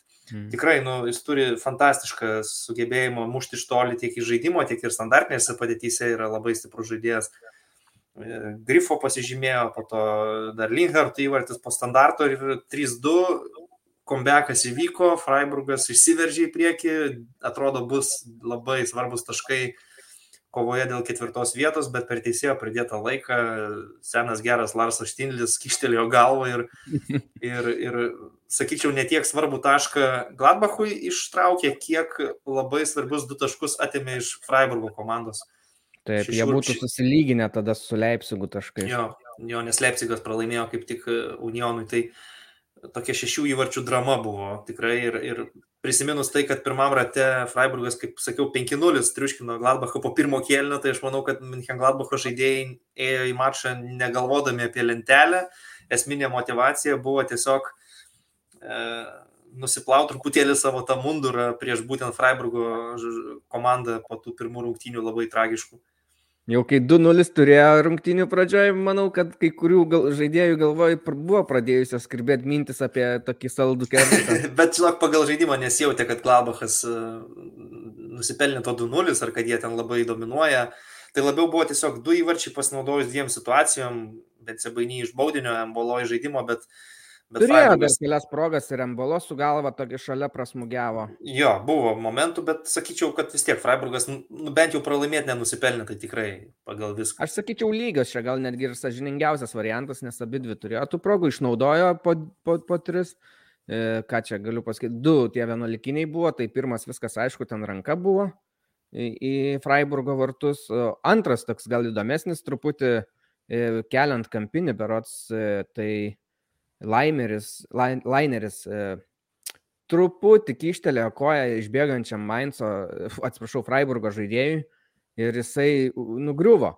Ir iš esmės aš galvoju, kad jeigu būtų kitoje aikštės vietoje, toj pačioj baudos aikštelėje, okay, bet kitoje aikštės vietoje įvykęs tas incidentas, tai galbūt net ne, nereikėtų skirti, nes, nu, tokia labai silpna, bet esmė turbūt buvo, kad ten Freiburgo žaidėjas grinai prieš kamolį vienas pats išbėginėjo ir būtų jį nusiemęs, tai vat, jam sutrukdė tai padaryti normaliai, tai turbūt gal dėl to davė tą 11, nežinau kokia tavo nuomonė apie tą 11 m baudinį. Dabar taip ne iki galo kokybiškai pamenu visą situaciją, bet faktas, kad kai tu vertini epizodą iš teisėjo pusės privalai žiūrėti, kur yra kamuolys, nes tai yra standartas ir toj vietoj, kur įvyko kontaktas, tu privalai atsižvelgti, ar kamolį pasiektų atakuojančios komandos žaidėjas ar ne, ir šiuo atveju greičiausiai jisai tą kamolį būtų galėjęs sužaisti. Tai manau, jo, jis ten labai laisvai išbėgo į priekį. Tai tas ir lėmė, ko gero, teisėjo sprendimą, bet, nu, man būtų tie baudiniai, atrodo, galbūt jie turėjo būti paskirti, nesakyčiau, kad teisėjas klydo, jo labiau, kad varas dirbo. Tai baudiniai kaip, kaip baudiniai, tai tiesiog.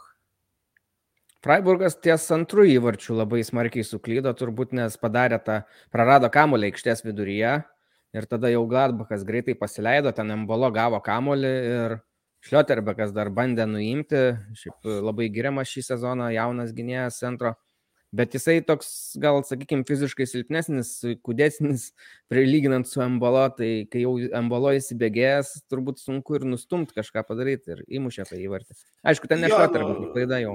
Baisiausi dalykai yra tie atsikirtimai savo aikštės pusėje arba ties viduriu prarasti kamuoliai, kai komanda yra užsijėmusi poziciją žais su kamuoliu, o tada netikėtas e, atsikirtimas, žaidėjai pozicijas praradė ir tada jau aišku išriškėja tai, kad Embolo galbūt fiziškai šiek tiek pajėgesnis už gynėją ir susidorojo, bet... Aukštai esmė, buvo gynėjų linija, tai pakankamai Freiburgo. Nes jie, kaip sakant, žaidinėjo kamolį, viskas buvo daroma pagal planą, bet klaida pasitaikė tiesiog ir viskas. Po atsikirtimo toks praleistas apmaudus gana įvartis. Ir Egensteinas dar irgi turėjo gerą progą, bet, bet nepavyko. E, šiaip kalbant apie Freiburgo trečią įvartį, Filipas Leinhartas įmušė irgi po kampinio galvą. Tai yra jau jam penktas įvartis šiame sezone. Ir jisai yra antras pagal tokią įdomią statistiką. Bundeslygoje jisai yra antras įmušęs įvartį iš netoliau kaip 5 metrų nuo vartų. Mhm. tai ten tai visiškai vidiniai vartininko aikšteliai, nu, tai aišku, po kampinių renkasi tas aukštus kamuolius. Jo, Nu, Freiburgas yra tokia komanda, kuri per standartus labai stipri, vidurio gynėjai pas juos yra įmušę netiek mažai įvarčių. Turi Günterį, kuris puikiai kelia kamolius ir turi aukštaugius, kurie labai gerai realizuoja, bet to pačiu tai aišku ir tie namų darbai. Nu, akivaizdu, kad treneris didelį dėmesį treniruotėse skyrė, skyrė standartams, tom visom kombinacijom ir pavyksta jas įgyveninti ir paversti įvarčiais. Nu, kai vidurio gynėjas muša penkis per sezoną, tai yra labai labai daug tikrai. Mm. Pirmas Lewandowskis iš tų penkių metrų, aišku. e, o šiaip man patiko, kaip ir komentatorius, nežinau, ar jis šališkas kažkiek buvo ar ne, anglų, anglų komentatoriai, tai labai džiaugiasi, kai Freiburgas įmušė trečią įvartį ir ten gyrė ir gyrė, be perstojo, kad, e, na, kokia komanda surinkta, kokia komanda surinkta.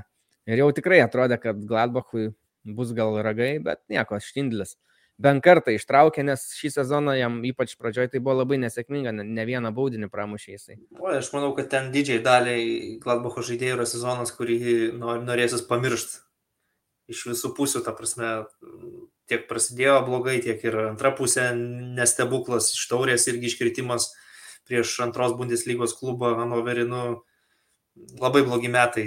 Čia ar, ar iš Tindlį pažiūrėsi, ar į Ple, ar į kažkurį kitą žaidėją, net ir tas pas Neuhausas, kuris labai daug giriamas buvo pastarosius keletą metų.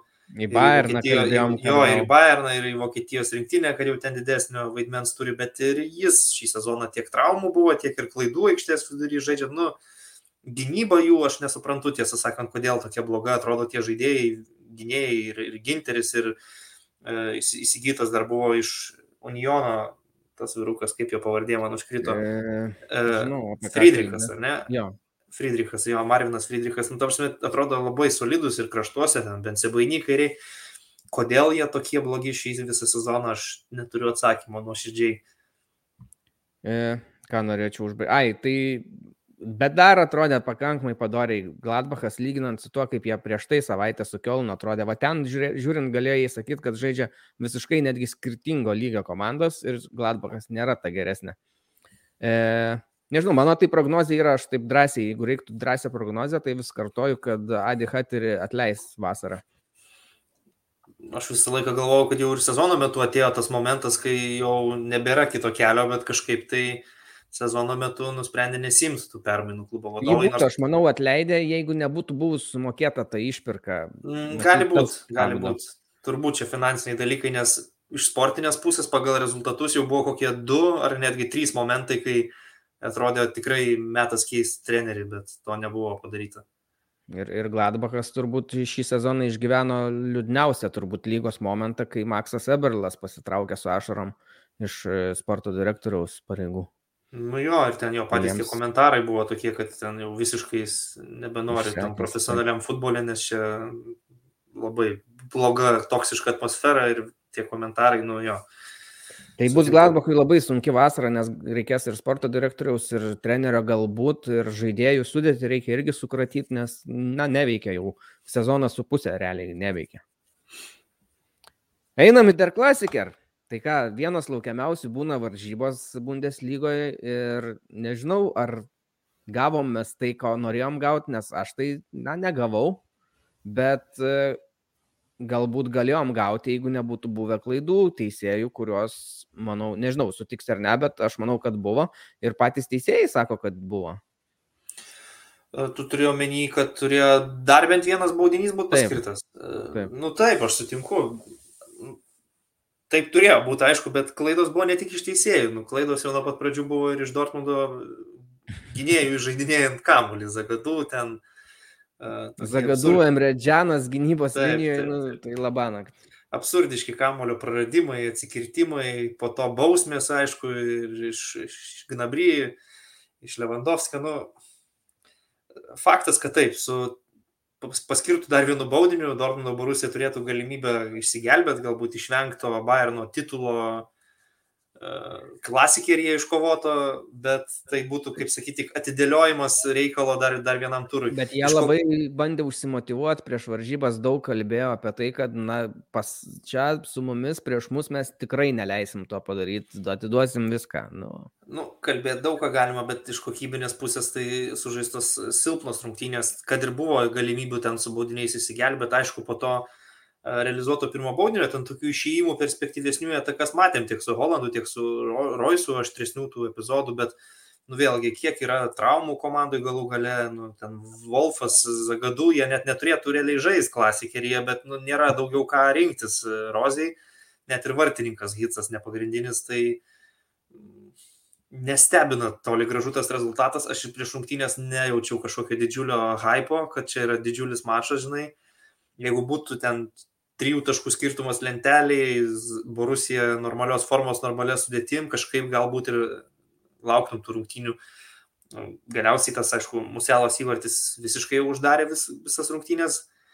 Jeigu vertint grinai žaidimą, kokybę, tai aišku, kad Barinas buvo geresnė komanda, bet su teisėjo sprendimais ir baudiniais buvo galima Borusijai ir išvengti pralaimėjimo.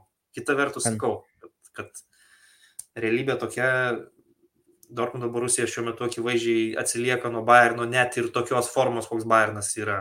Nuo antrojo sezono pusėje pripažinkim, kad Bavarai patys irgi pabirėjo ir čempionų lygos tas iškritimas ir, ir nebuvo labai geras žaidimas, daug tokių išgimdytų rungtynių Bundeslygoje pergalių prieš vidutiniokus, bet čia klasikeriai užteko ir tiek, kiek, kiek, kiek turi šiuo metu.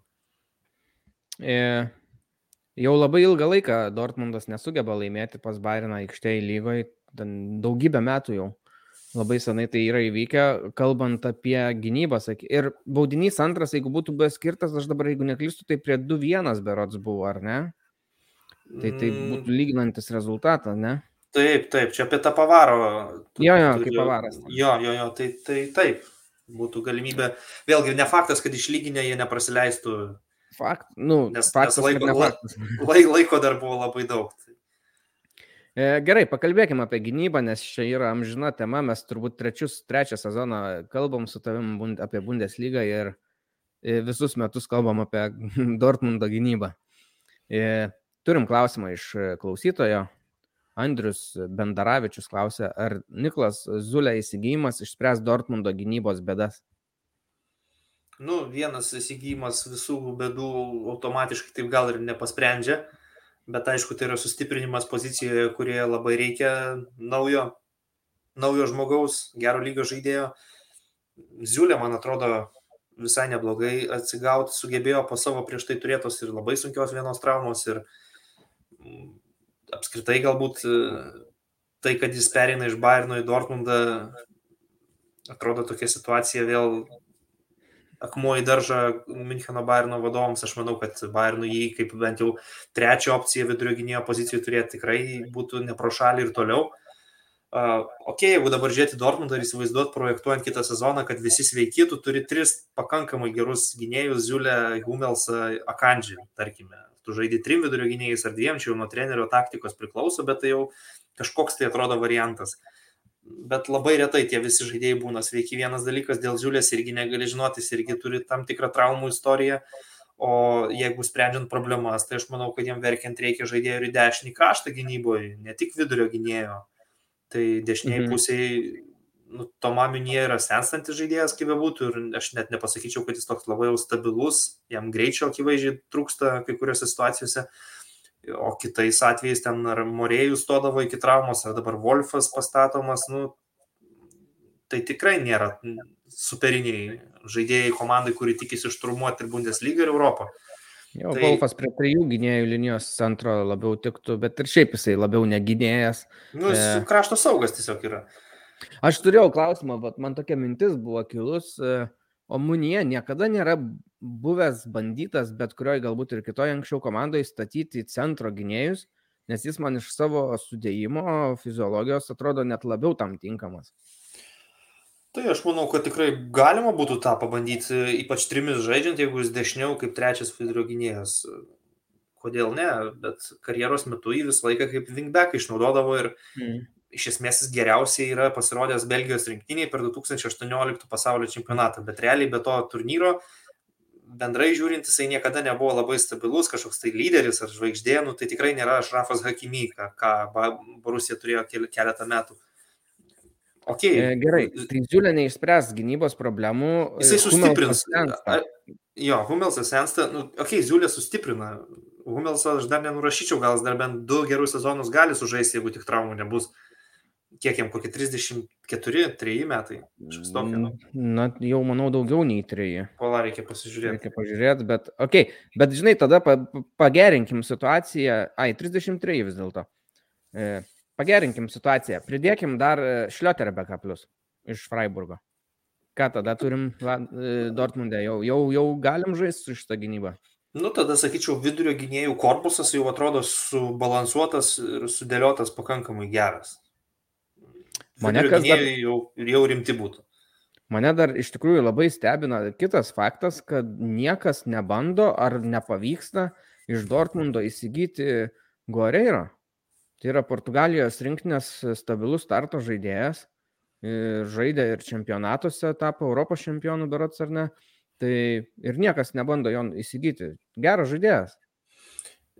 Faktas, geras žaidėjas kairiam krašte geras jis visų pirma yra atakuojant, e, gynyboje jis nėra toks stiprus, kažkiek gal galima su Angelinio palyginti būtų, bet e, dar plus jis ir baudos smūgius puikiai atlieka savo kairę koją, tai aš sutinku, kad jis puikus žaidėjas šį sezoną aptemdė traumos jam labai, rungtynių netiek mažai turėjo praleisti. Vienas iš daugelio Borusijos žaidėjų, kurie būdavo tame traumuotų sąraše su Holandu ir visais kitais. Uh, kad nieks įsigyti nebando, vėlgi aš manau, kad galbūt kai kurios klubus ir atbaido, tai kad jisai ne pernelyg gerai gynasi. Puolais mhm. jungiasi puikiai, perdimai labai aštrus ir įvarčius muša ir talento turi, bet gynyboje silpnokas ir kokie, tarkim, nežinau, Anglijos Premier lygos klubai galbūt atsižvelgia kažkiek į tai, kad prie dar agresyvesnio, intensyvesnio futbolo gali ir, ir visiškai prapult toks Rafaelis Gerėjų. Ok, bet, Ispanijoje visai gražiai gal žiūrėtų. Nu, irgi jo vienas iš variantų, bet vėlgi, nu, Borusija pastaraisiais metais jau nėra taip, kad visus iškart savo geriausius žaidėjus prakala. Nu, su Sančio irgi ne, sugebėjo iš, išlaikyti jį ne vienus metus. Holandas irgi ištempė gal net kiek ilgiau nei, nei tikėjomės ir tik dabar po šito sezono išeidinėja. COVID e, kažkiek padėjo. Tai faktas, čia daug ką nulėmė ekonominiai situacijai. Aš galvoju, kad jiems reikės pirkinio tikrai ir aikštės viduryje, mes kalbam apie vidurio gynėjas, bet vis tiek, jeigu yra atsisveikinama su Viceliu. Yra, Emre... jis jau sakė, kad išeis. Jo, tai va, išeis Vicelis, Emredžianas, nu, dar vienas toks neįtin patikimas žaidėjas, ten yra Dahudas, yra kitų, bet galvoju, kad e, solidaus vidurio saugo jam reikėtų. Ir aš į Vicelio vietą įsivaizduoju idealų tiesiog žaidėją, kuris Dortmundą labai sustiprintų, bet aš manau, kad jis gal ir per brangus jam. Tai yra Juri Tilemansas iš Belgijos rinktinės, iš Lesterio klubo. Mhm. Superinis aštuntas numeris Dortmundui būtų labai geras, bet gal ir per brangus. Kitas dalykas dar yra Džudas Belingiamas, vėlgi čia metų klausimas, vienus, dviejus metus, kiek jis dar Borusijoje žais. Tai yra anglas, nepamirškim, tai kad jis kažkada uh, įvykdys panašų transferą kaip Sančio, manau, irgi labai akivaizdu. Taip, taip, taip. Šiaip gerų deimantų buvo vis prisirinkę Dortmundas ir vieną po, po, vieną po kito taip iš, iškapstys vis kiti taip. klubai ir tada, ir tada jau Dortmundo visi šansai nuplauks. Aš dabar netgi...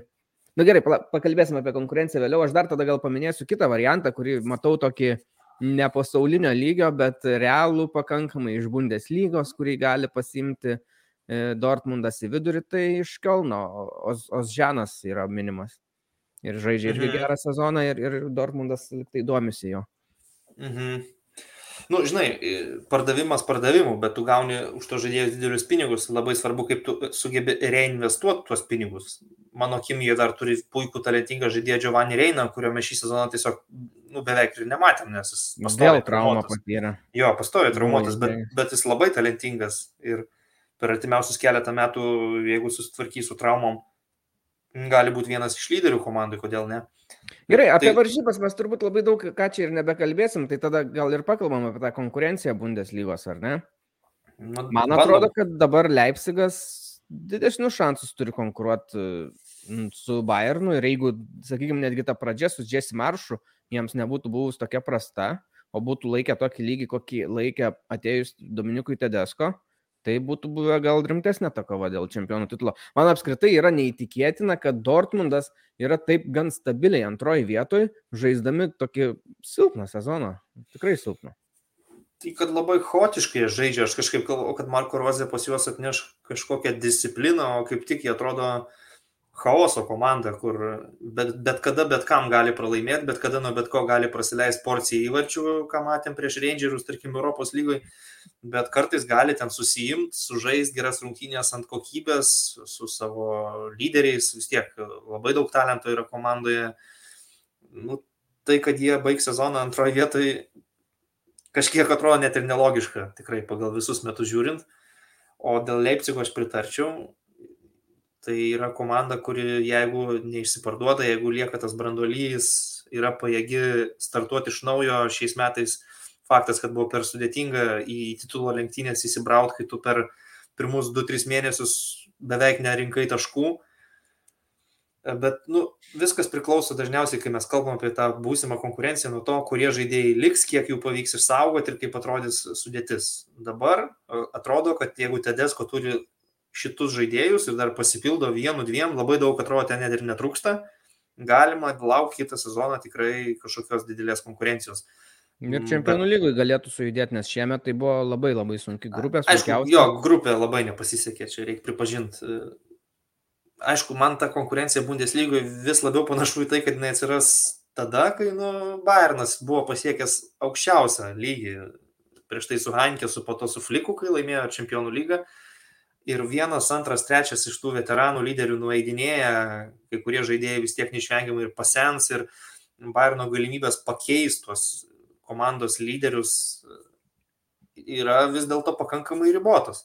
Tai per artimiausius tris metus mes gal ir matysim tai, kad ta takoskira jau nebebus tokia milžiniška, nes, nu, kai žaidė pikiniai Levos su Mülleriu, dar buvo pikiniai Robenas su Ribery vietoj jų komandas, ne Gnabrynų, sunkiai sustabdomas puolimas, o Kimichas pagaliau iš krašto gynėjo perėjo žaisti ten, kur ir turi žaisti su savo smegenim atraminiu, nu, tai yra įspūdinga.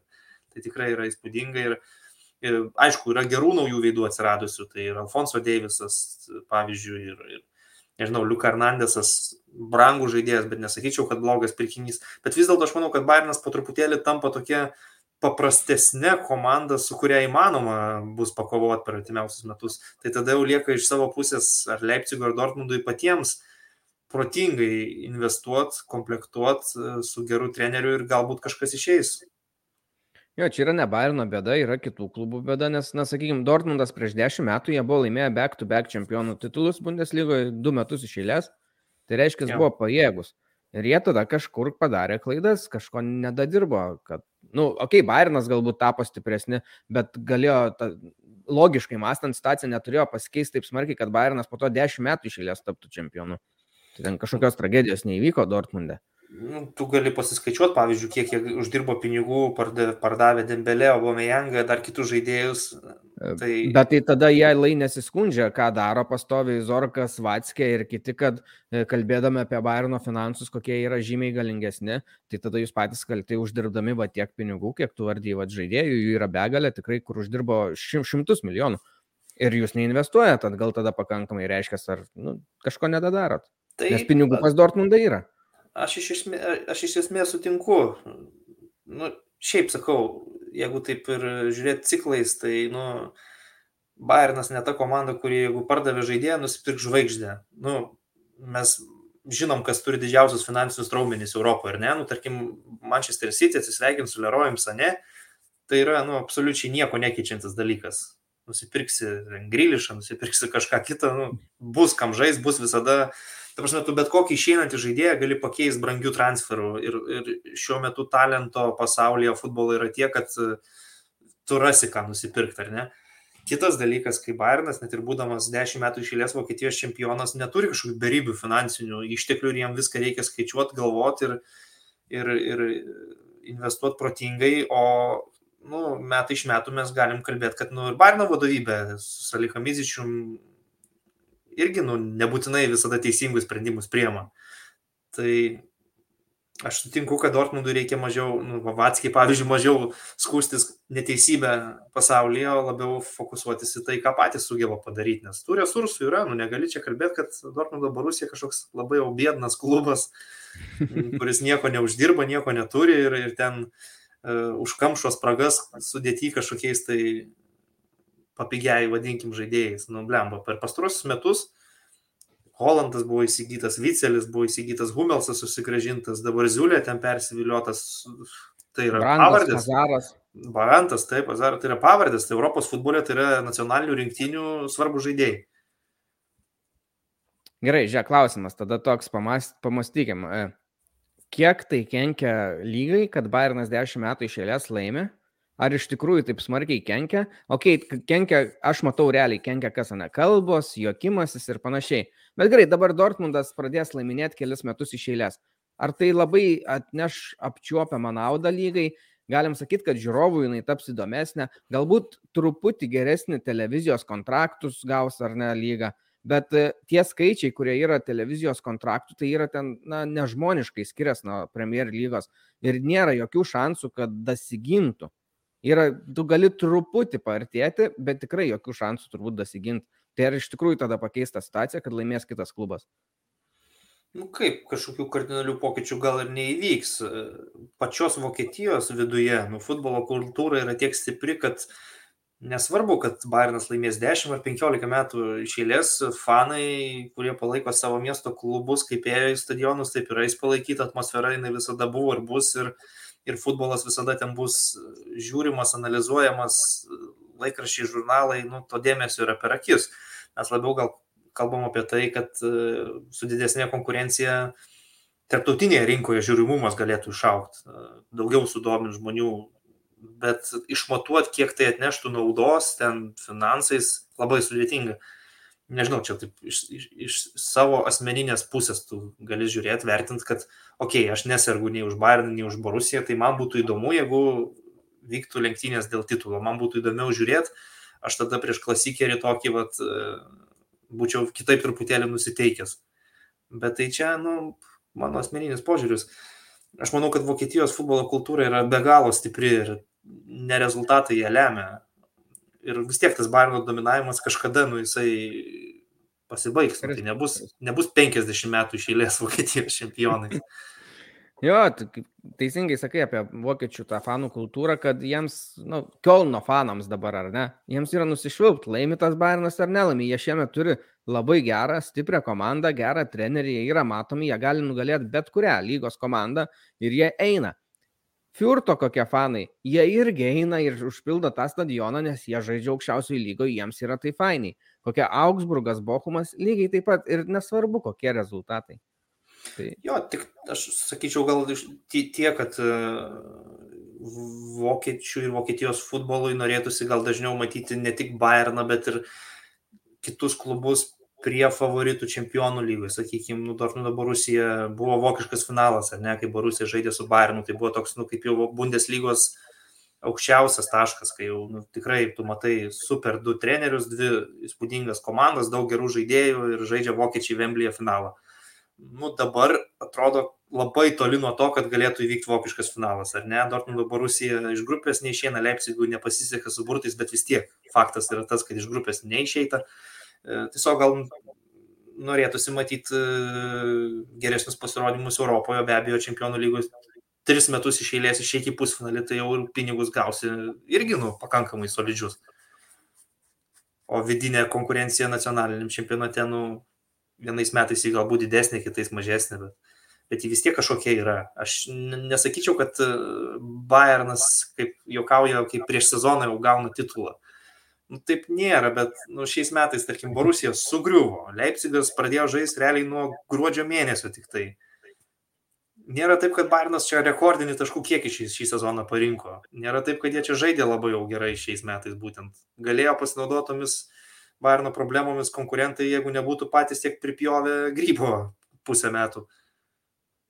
Trūksta stabilumo visam ilgam tam laikotarpyje. Prieš Bayerną tu gali būti tiesiogiai silpnesnis, bet turi būti stipresnis prieš tas silpnesnės nu, komandas. Tai žiūrėk, prieš, prieš Bayerną tiesiogiai Menkenglabako Borusija pastoviai laimi, bet yra 12 vietoje.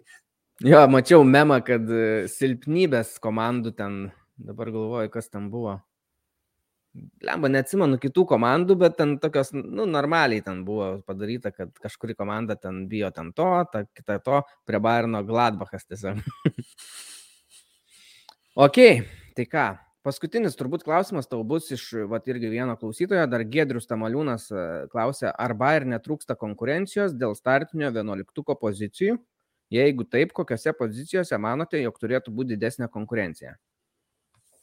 Um, aš nemanau, kad konkurencija yra didelė bėda.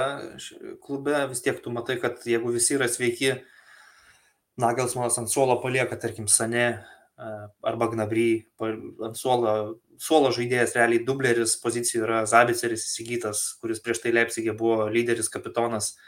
Daugumoje pozicijų, man atrodo, su konkurencija viskas ok, yra pozicijų, kuriuose aš manau, kad tokiam klubui kaip Barnas galima būtų turėti daugiau kokybės. Man tai ypač yra vis dėlto dešinysis gynybos kraštas. Benjaminas Pavaras taip ir neįtikino per visus šitos metus manęs, kad tai yra elitinis dešinio krašto gynėjas. Manau, kad jis vis dėlto toks nėra, tai yra visai ribot galimybių žaidėjas ir, ir galbūt kaip rotacijos žaidėjas Bayernui jisai tikrai ok, bet norėčiau matyti kažką solidesnio. Nu, su vidurio gynėjais ten pastovus pokyčiai. Humelsas išėjo, dabar Ziulė išeina, Botengas išėjo, tikrai pozicija, kurią irgi, manau, reikia, Labo išėjo pozicija, kurią reikia atsižvelgti, reikia kažko, ten, nu, Rudigerio turbūt nepaims, Madrido Realas greičiausiai jį pasims, bet tikrai reikia žaidėjų ten ne dėl konkurencijos, o dėl kokybės. Su konkurencija, nu, nežinau, yra žaidėjų, pavyzdžiui, kaip tu sudarysi konkurenciją Mülleriui, Levai ir Kimichui. Tai nėra jokios konkurencijos. Treneriui sudarydamas konkurenciją tik atleisi save kaip treneris. Tai, tai vad būtent, čia nėra konkurencijos, čia yra tiesiog kartais, kai jau pervargė rotacijos principų, kažkas turi sužaisti ant taurės rungtynės jų pozicijose, bet iš esmės tai yra aiškus lyderiai garantuoti startinės sudėties žaidėjai. Pavaras tai... yra užsiminęs pats, kad jam daug maloniau ir geriau yra žaisti centro gynėjo pozicijoje ir Nagelsmanas bent jau davė užuominų į tai, kad kitą sezoną būtent tai ir bandys daryti, bandydami įsigyti Mazrų iš Ajaxo, kad jisai mhm. žaistų tam dešiniam krašte. Nu, aišku, pavaras vidurio gynėjų, tai vėlgi, jeigu trimis centriniai žaidė, ką Nagelsmanas darydavo, bet taip labai nebairiniškai, bent jau man atrodo. Bet jis tai daro užsispyrusiai toliau. jo, jo, jo, bet nežinau, ar sutiksi, bet labai taip, nu, nebairiniškai atrodo, man yra Nepatinka tokie klubai. Man. man yra klubai Barsa, Ajaxas, Bayernas, kur kultūrinis principas yra žaisti ten ar 4-3-3 ar kitaip pastumdžius, bet turi būti keturių gynėjų linija. O vat Nagelsmanas su savo idėjom. Aišku, jeigu jisai būtų laimėjęs čempionų lygą, tai man atrodo niekam nebūtų svarbu, ten tai trys ar, ar du viduriniai žaidė, bet kai nelaimi, tada prasideda kritika. Nuo Vangalo jau tai buvo užtvirtinta, man atrodo, ta, ta keturių normalių gynėjų linija ir varė, atrodo, nieks nepakeisto, bet vat Nagelsmanas jauniausias treneris atėjo ir pakeitė ir dar jokavo taip apie nejokingus dalykus, kad uh, sakė, labai daug grasinimų, aišku, susilaukė, kai ir prieš Vilarelį iškrito, bet ir anksčiau susilaukdavo, sako. Ir sako, pastebėjau įdomų faktą, kad daugiau, žymiai daugiau susilaukiu grasinimų tada, kai žaidžiu trijų centro gynėjų liniją. Kai žaidžiu dviejų centro gynėjų liniją, yra grasinimų kur kas mažiau. jo, mačiau aš šitą komentarą. Jo. Konkurencija, tai aš ką, nu, dadėčiau, kad e, iš esmės sutinku su taim ir yra pliusų ir minusų. Tai pliusas, kad tu žaidėją gali kaip vieną ar kitą pasistengti, motivuoti, stengtis daugiau, nes jisai kovos dėl tos vietos. Bet iš kitos pusės, kaip skai, yra tie, kurie nepakei, nepakeičiami. Ir tada tas, kas yra ant suolo, jeigu jisai irgi yra geras, tai jisai bus nepatenkintas, kad yra ant suolo. Tai tada irgi tokių vidinių kibirkščių. Nu vis tiek yra, yra žaidėjų, kaip Goretska, yra toksai toliso ten momentų turėjęs, bet realiai, kai visi sveiki tam toliso, mažai ten vietos belieka komandai. Yra jaunas Musela, dabar prasimušęs jau rimtos rotacijos žaidėjas, kartais net ir starto e, žaidėjas. Vienintelis dalykas, kas liečia tą konkurenciją, galbūt norėtųsi dažniau iš Bayerno akademijos iškylančių tokių rimtesnių talentų kurie tikrai būtų grinai vat, Bayerno akademijos užauginti, ne tai, kad ten transferinus iš 16 ar 17 metų, bet akademijos talentai, kurie prasimuša į pagrindinę komandą kažkurio metu. Alaba buvo, dabar Musiala galvoju yra kuris variantas, ar kur 16-17 metų, ar ne, ne, jisai 19-20 atvyko į Bayerno U17. Nu, tai jo, tai nėra, kad jau visiškai klubo sistemos e, auklėtinis. Mhm. Nu, ką padarysi? Tai va, turbūt tiek atsakymą, ar ne į klausimą? Tikiuosi, kad taip. Gerai, tai nežinau, turbūt kaip ir pabaigsim laidą, tik tai gal, gal aš tau myslę užduosiu pabaigai, va jau dvi valandas turbūt ilgiausia laida bus mūsų istorijoje. E, Nagelsmanas pasiekė tą titulą, ar ne? Dešimtas iš eilės Bayernui, ten džiaugias grįžę į treniruočio bazę, e, sveikino ir administraciją, ir jai dėkojo administracijai, nes čia visų pergalę taip toliau, taip toliau. Ir Rozė ir Nagelsmanas pažadėjo, kad kiti sezonai bus geresni. Tai pažiūrėsim, kuris labiau išpildys šitą pažadą. Ir e, klausimas tau. Kas yra jauniausias treneris laimėjęs Bundesliga? Mhm. Tai Nagelsmanas dabar, taip suprantu, tapo antrų jauniausių. Nagelsmanas tapo antru, kaip bebūtų netikėta šiek tiek. Oi, geras šitavo klausimas dabar. Reikia... Tai aš tau galiu duoti užuominų tada kažkokių. Man, man kažkokių užuominų pradžiai daug, ant kiek seniai tas, tas, tas įvyko. Nu, taip, tai vyko mūsų amžyje, dar 21 amžyje. Taip. Tai, plemba, aš dabar galvoju, kas treniravo Štutgartą, kai Štutgartas laimėjo. Ar į tą pusę mastau ar ne? Nežinau, dar nesakysiu. Galiu pasakyti, kad tas žmogus buvo ir labai geras žaidėjas, labai geras savo laiku, vienas geresnių. Mhm. Treneriu jisai neilgokai padirbo, penkis metus maždaug gal puf, kaip man dabar užkritė. Nu. Štutgartai jisai kaip žaidėjas yra žaidęs. Jo, yra žaidęs, bet belnes. Yra, nu, žaidęs, ne, yra žaidęs ne tik Vokietijoje, yra žaidęs ir Italijoje. Italijoje. Interė. In... O, blemba. Interė. Nu tai Nebusgi Lotaras Mateusas. Ne, nebus. nebus. Čia variantas, aš taip ir galvau, kad Inter tave suklaidinsiu. Dar ir koks Riumenigė tiktų, jeigu būtų treniravęs. Bet daugiausiai savo žaidybinių metų praleido Dortmunde. Ir jis vokietis. Jis yra vokietis. Daugiausiai Dortmunde. Kaip žaidėjas tris kartus tapo Vokietijos čempionu. Ir čempionų lygos nugalėtojų tapo. Ir Europos Iš- čempionų. Nežinau, iš lempos šaučiau koks Larsas Rikienas. Ne. Po savo kaip žaidėjo karjeros jisai treniravo, e, toj, toj, toj pasakysiu, ką treniravo. Mm -mm -mm. Ne tą puslapį atsiverčiau, ojojoj. treniravo Dortmundą, treniravo ir tu, tu, tu Štutgartą. Mhm. Tai aš gal ir teisingą kryptimą mačiau, bet aš ne, neatsimenu Bet žmogaus čem, čempionų tada, kai jauniausių tapo, tai nesu Štutgartu. su Dortmundu. tapo. Gerai, dabar duosiu tau visiškai tokią jau easy, kur jau nusiskint turi, nežinau, jeigu nenusiskinsi, tai e, kai baigė trenerio karjerą, tada jisai dirbo toliau klube ne kaip treneris Dortmunde, vėliau buvo perėjęs netgi ir į Bayerną. Zameris? Taip, Eik tu savo. jo, jisai su Dortmundu. Blemba, kaip man tai nėra visiškai užfiksuota atmintyje. Šiaip man irgi buvo naujas e, faktas. Geras. Nu jo, nustebinai, nustebinai. Aš, man visai mm, ne į tą pusę pavardės e, sukosi galvoj. Du, du antrais, man rodos, jisai su Dortmundu Mm. laimėjo. Bet labai trumpai jisai treniravo, ten pen, penkis metus, man, nuo 2000 iki 2005 ir Dortmundą, ir Stuttgartą bendrai Mm. paėmė. Tai va, galbūt ir žiūrovam naujas faktas čia, kad ne Nagelsmanas vis dėlto jauniausias, o Zameris, tai va. Tai susitiksim kitą savaitę, sekit mus YouTube, Spotify, Apple Podcasts, Anchor, kur jums patogiausias, subscribinkit, likinkit, užduokit aktyviai klausimus ir kitą savaitę galbūt bandysim susitart, kad anksčiau gal savaitės, jeigu susirašytumėm šitą laidą, nes kad taptų kuo aktualesnė Jo, Ir- manau, kad be problemų. ir gerų Europos lygos varžybų, ir gerų Bundeslygos varžybų iki.